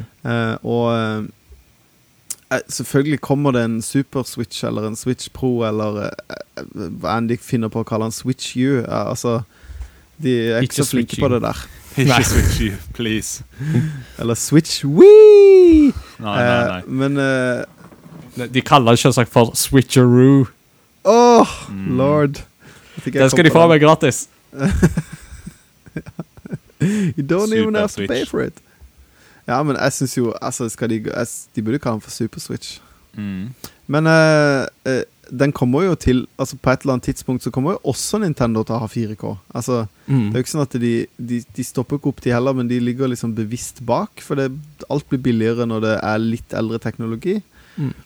Og jeg tror du vil få Zelda i Ori-stil en gang, men ikke samtidig som Ori kom i den stilen, på en måte. Jeg vil jo si at Breath of the Wild er mer imponerende enn Ori, da. For, for min del, i hvert fall. Ja, vi kan ta den på kammers eh, etterpå. Alright, Altså, det alright. 3D, 2D. av- Mm. Ja, ja, altså det er jo faktorer inne i bildet, absolutt. Men eh, Det er jo ikke det samme. Jeg kan jo egentlig ikke sammenligne det, på en måte. Uh, en ting som jeg jo er spent på framover nå, er jo hvordan PlayStation 5 faktisk blir seende ut, for det har de ennå ikke vist. Og nå blir jeg veldig spent på hvordan designet på den faktisk blir. da. Iskake, iskake, ja. iskake. Du, du, du nevnte jo liksom litt Feiebrett. dette her med på en måte at uh, ting blir på en måte mer sterilt, at det er godt at Nintendo liksom spicer ting opp og sånn. Men altså, jeg vil ha en PlayStation 5-design som bare er helt wacky. Som bare er så skikkelig sånn Altså, jeg vil ha den der uh, DevKit-design-greiene som de har hatt, liksom med den der toast-hjerne, med liksom det der Holdt jeg på å si Holdt jeg på å si det der dosetet i midten, eller liksom hva det skal kalle det. Liksom. Altså, jeg, jeg vil ha det som det ferdige produktet, for vet du hva, det ser i det minste skikkelig originalt og teit ut, men da er det iallfall noe som skiller seg litt ut, da. Ja, ja, Mm. enig. Gi meg en eh, pyramideformet konsoll, da du må MG. Jeg tror det, uh, Her skal de få en idé av meg som de kan få gratis. Jeg syns de burde ha litt sånn der eh, Raspberry Pi-design. du får egentlig bare liksom uh, Altså, du, må, du kan produsere ditt eget skjell. Du kan liksom mm. legge opp til liksom 3D-print din egen du kan, Den kan se ut som en GameCube. Eller sånn Eller du kan 3D-printe en Xbox One-skjell som ser ut som to GameCuber oppå hverandre. Det hadde vært helt rått. Eller bare Nintendo Labo, din egen spillkonsoll. Mm. I papp! Ja, ja. Kommer til å brenne opp. Men Martin, hvis vi får den, men Martin, hvis vi får den pyramideforma PlayStation 5 Det kan vi ikke ha, for det blir pyramidespill, og det er ulovlig. Åh, Oh, ja. Er det ulovlig? Uh, Ja, pyramidespill er ulovlig, så til de grader. Eh, nå henger jeg ikke helt med. Må du ta en prat med madammen her nå? Har du investert i noe pyramidespill, stakkar? Uff da. Oh, ja. Sånn der økonomi Pyramideøkonomi? ja, Ja, ja, ja. ja. Ikke. Sphinx. The Last Mummy, det er ikke Jeg trenger litt Nei. tid på å ta, på å ta vitser og sånn. jeg. Ja. Oh, ja. Uansett eh, Uansett, jeg tror at innen året er omme, så kommer vi til å sitte med to veldig spennende konsoller til på markedet. Og som Mm. det blir veldig gøy å følge med på hvordan eh, kommer til å utvikle seg framover. Og det blir særlig gøy når vi får spill som lanseres på tvers av konsollene, og se ytelsesforskjeller. Og se på en måte er det noen av de som utmerker seg i forhold til de andre på visse, visse ting, da. Eh, og Der blir jo Digital Foundry en fin kanal å følge med på framover òg. Så de kjører jo ofte sånne sammenligningsvideoer, så det er artig å, å se på. Så Mm. so yeah. Det Jeg gleder meg i alle fall. Jeg eh, prøver å spare opp og skal ha begge eh, på lansering, og ser fram til det. Stav Wow, begge, altså. Rolige 10 000 der. Blir nok det, men uh, ny tech er alltid veldig gøy. Eh, Det er litt for gøy. Jeg er litt for glad i sånt. Spørsmålet er hvilken buter du opp først, hvis de kommer samme dag? Det vil komme helt an på spillene. Nettopp. Nettopp. Da legger vi den død. Da legger vi den død, og så får Mats Jakob presentere For dette er en Hebereke pachinko-kontroller til Super Nintendo. It's curiosity. What are you gonna show to me? It's curiosity. What a neat thing to know. It's curiosity. What are you gonna show to me? I haven't even heard of it. What a neat thing to know. It's a great part of the show. En kuriositet. Kan It's a du curiosity. Yes. Yes, Nå kan jeg jo tease uh, lytterne på samme måte som jeg teasa de andre i redaksjonen her. For det, i eh, kjøreplanen så har jeg bare skrevet inn 'Nintendos banandop'. Ja, nå er jeg veldig spent. Uh, ja. Uh, og vi skal helt tilbake til Nintendo Gameboy. Eh, og dette er jo da nok et offer for Nintendos eh, sensur. Nintendo har jo en, en eh, eh, er jo kjent for å ha hatt ganske strenge sensurregler i spillene sine når det gjelder eh, Ikke nødvendigvis når det gjelder vold, men når det, spesielt når det gjelder religiøse symboler og politiske symboler osv. Mhm. Eh, ut av Japan. Mm. Fordi i eh, Bionic Commando i, på 8-bit Nintendo, der dreper du Du knuser trynet på Hitler. Eh, og det er eh, hakekors overalt, og du slåss mot nazistene. Mens i den vestlige versjonen så er det en eller annen fiktiv greie, og, du, eh, det, og det er ikke Hitler. Hmm. Men en blond fyr med en blond liten bart rett under nesa. Sånn at det, det er Trump. Skei. Ja, hadde det bare vært så vel.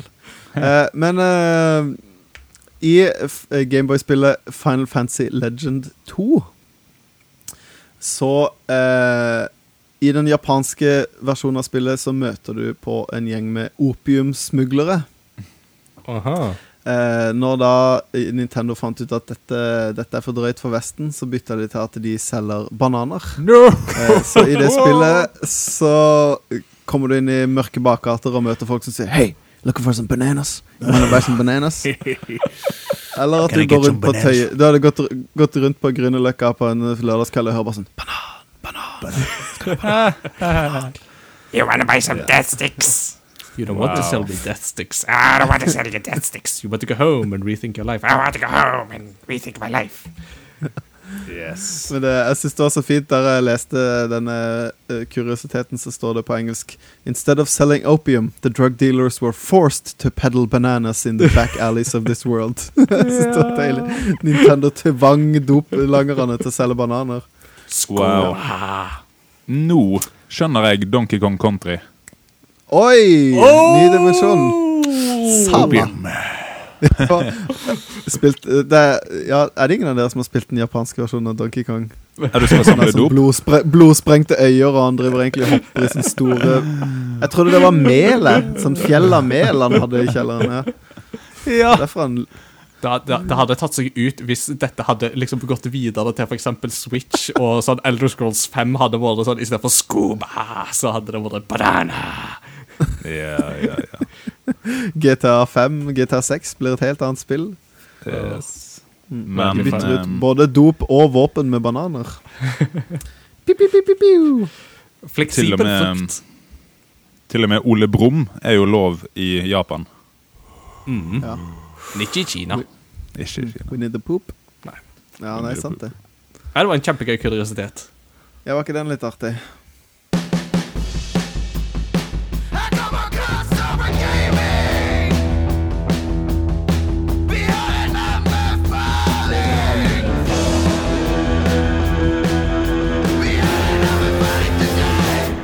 Så på tide med en eh, aldri så liten anbefaling. Eh, denne gangen så har jeg stokket av med anbefalingsspalten. Eh, for de som da er med i Discord, så, altså på vår Discord-server, så har de allerede fått denne i den kanalen som heter kirke, Kirkemusikk.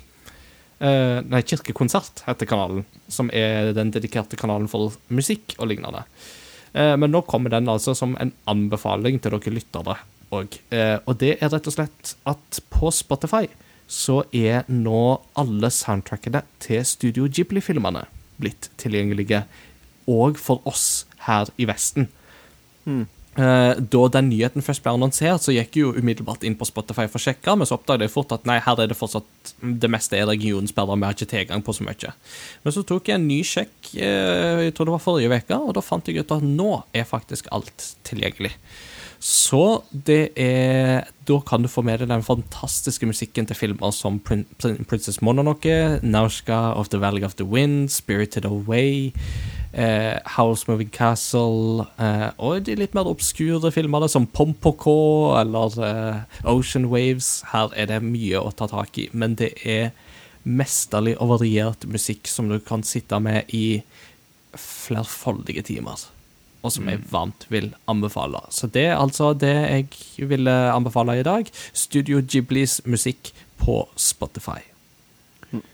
Er det din anbefaling today? Det er min anbefaling today, tomorrow and now and forever. Sweet. Med det så er vi kommet til postludiet. Og Martin, da er det du som har eh, fått eh, oppgave å velge postludium. Og Yes. jeg har smugkikka litt og sett at du har valgt et utmerka stykke. Ja, ja, ja. Altså, nå spiller vi musikk fra det fine spillet Bastion. først og fremst spill Bastion. Og så hele soundtracket ligger på Spotify. Det er nydelig lagd av eh, Darren Korb. Mm. Og her får dere høre 'Setting Sail, Come Home'. Det er så nydelig. Og å spille Bastion uten lyd er utenkelig. Mm. Der snakker vi spill med mesterlig lyddesign, altså. Så det Han er jo på en måte en narrator og artist i det spillet. Darren Corb. Mm. Mm. Det, det spillet gir meg alltid lyst til å sette meg ned ved et leirbål med whisky og gitar, altså. Den Mm. fortellerstemmen der. Det var utsøkt. Kos. Ja. Med det så takker vi for følget i eh, denne episoden. Vi håper at eh, du har fått deg en eh, liten Et lite hyggelig avbrekk fra en turbulent hverdag. Jeg vil anbefale dere ekstra varmt denne gangen å faktisk sjekke ut Discord-kanalen vår. Eh, Få installert Discord, og kom og heng med oss der. Eh, Der vil du finne veldig flotte folk som eh, du kan spille med og prate med om løst og fast. Eh, og særlig denne gangen så vil jeg nok kanskje også på en måte pitche liksom vårt kanskje, holdt jeg på å si, sjelesørgeriske eh, aspekt. Eh, nå er vi jo flere eh, både i på en måte drift her, i Crossover Gaming, men òg av lytterne som òg er med i Discord, som både på en måte sitter med en kristen tro i bånd, og eh, kanskje òg på en måte jobber inn imot på og sånne type ting. Og disse tidene her kan være tøffe for mange av oss, og det kan være et ekstra behov for folk å snakke med og ventilere med om disse tingene. Og da vil jeg slå et slag for at eh, vår Discord-kanal er en kanal der det òg er mulig, og der du kan finne folk som kanskje du kan ta en prat med om de mer eksistensielle problemstillingene som kanskje presser seg ekstra på i disse tider. Vær åpen om de tingene, og ta kontakt med noen du stoler på. Og er det ingen andre du stoler på, så håper jeg at du kan stole nok på oss til å ta kontakt med oss og snakke med en av oss om det. Vi vil være til stede for dere i det aspektet av livet òg. Det er ikke alltid jeg Vi plugger ikke alltid den delen av vår profil så aktivt, men akkurat i disse stunder så tror jeg at det kan være litt viktig for folk, og at det, det vil jeg oppfordre dere til. Som vanlig så vil jeg òg oppfordre dere til å like oss på Facebook. Der vil du jo få litt Game Rector-artikler hvis jeg skriver det, og du vil få litt spillnyheter og andre ting og tang. Eh, lik oss på Spotify, Soundcloud, iTunes eller lignende, der du måtte høre på din podkast. Og ikke minst tips folk om oss i disse dager. Eh, nå har folk, mange har iallfall litt ekstra tid de kan bruke til spill og annen digital moro. Og da kan jo vår kanal være noe å anbefale. Har dere noen siste ord dere vil eh, plugge før vi takker for oss, gutter? Uh, Assassin's Creed Odyssey. Der kommer han, vet du. Og episoden går ikke som en dans før vi har uh, plugga den, så det var vakkert. Har du sett? Jeg må òg si um, veldig bra poeng, Ingar, med Discord. Og for de som bare vil få ut frustrasjon, så stiller jeg meg frivillig der. For jeg er òg en veldig dårlig taper i spill. Så jeg òg eh, Det renner gloser av meg når jeg eh, spiller spill. Så for de som bare vil rage litt, så er jeg der for dere, jeg òg. Godt å høre. Det er lov å rage. Uh, så lenge du spiller Doom Eternal og gjør noe et godt ærend mens du rager. Da kommer ragen til noe godt. Spill Wii Sports Resort. Sports Resort. Ja, men vi takler denne apokalypsen sammen, vi gamere. ja da. Og sammen så står vi mindre alene.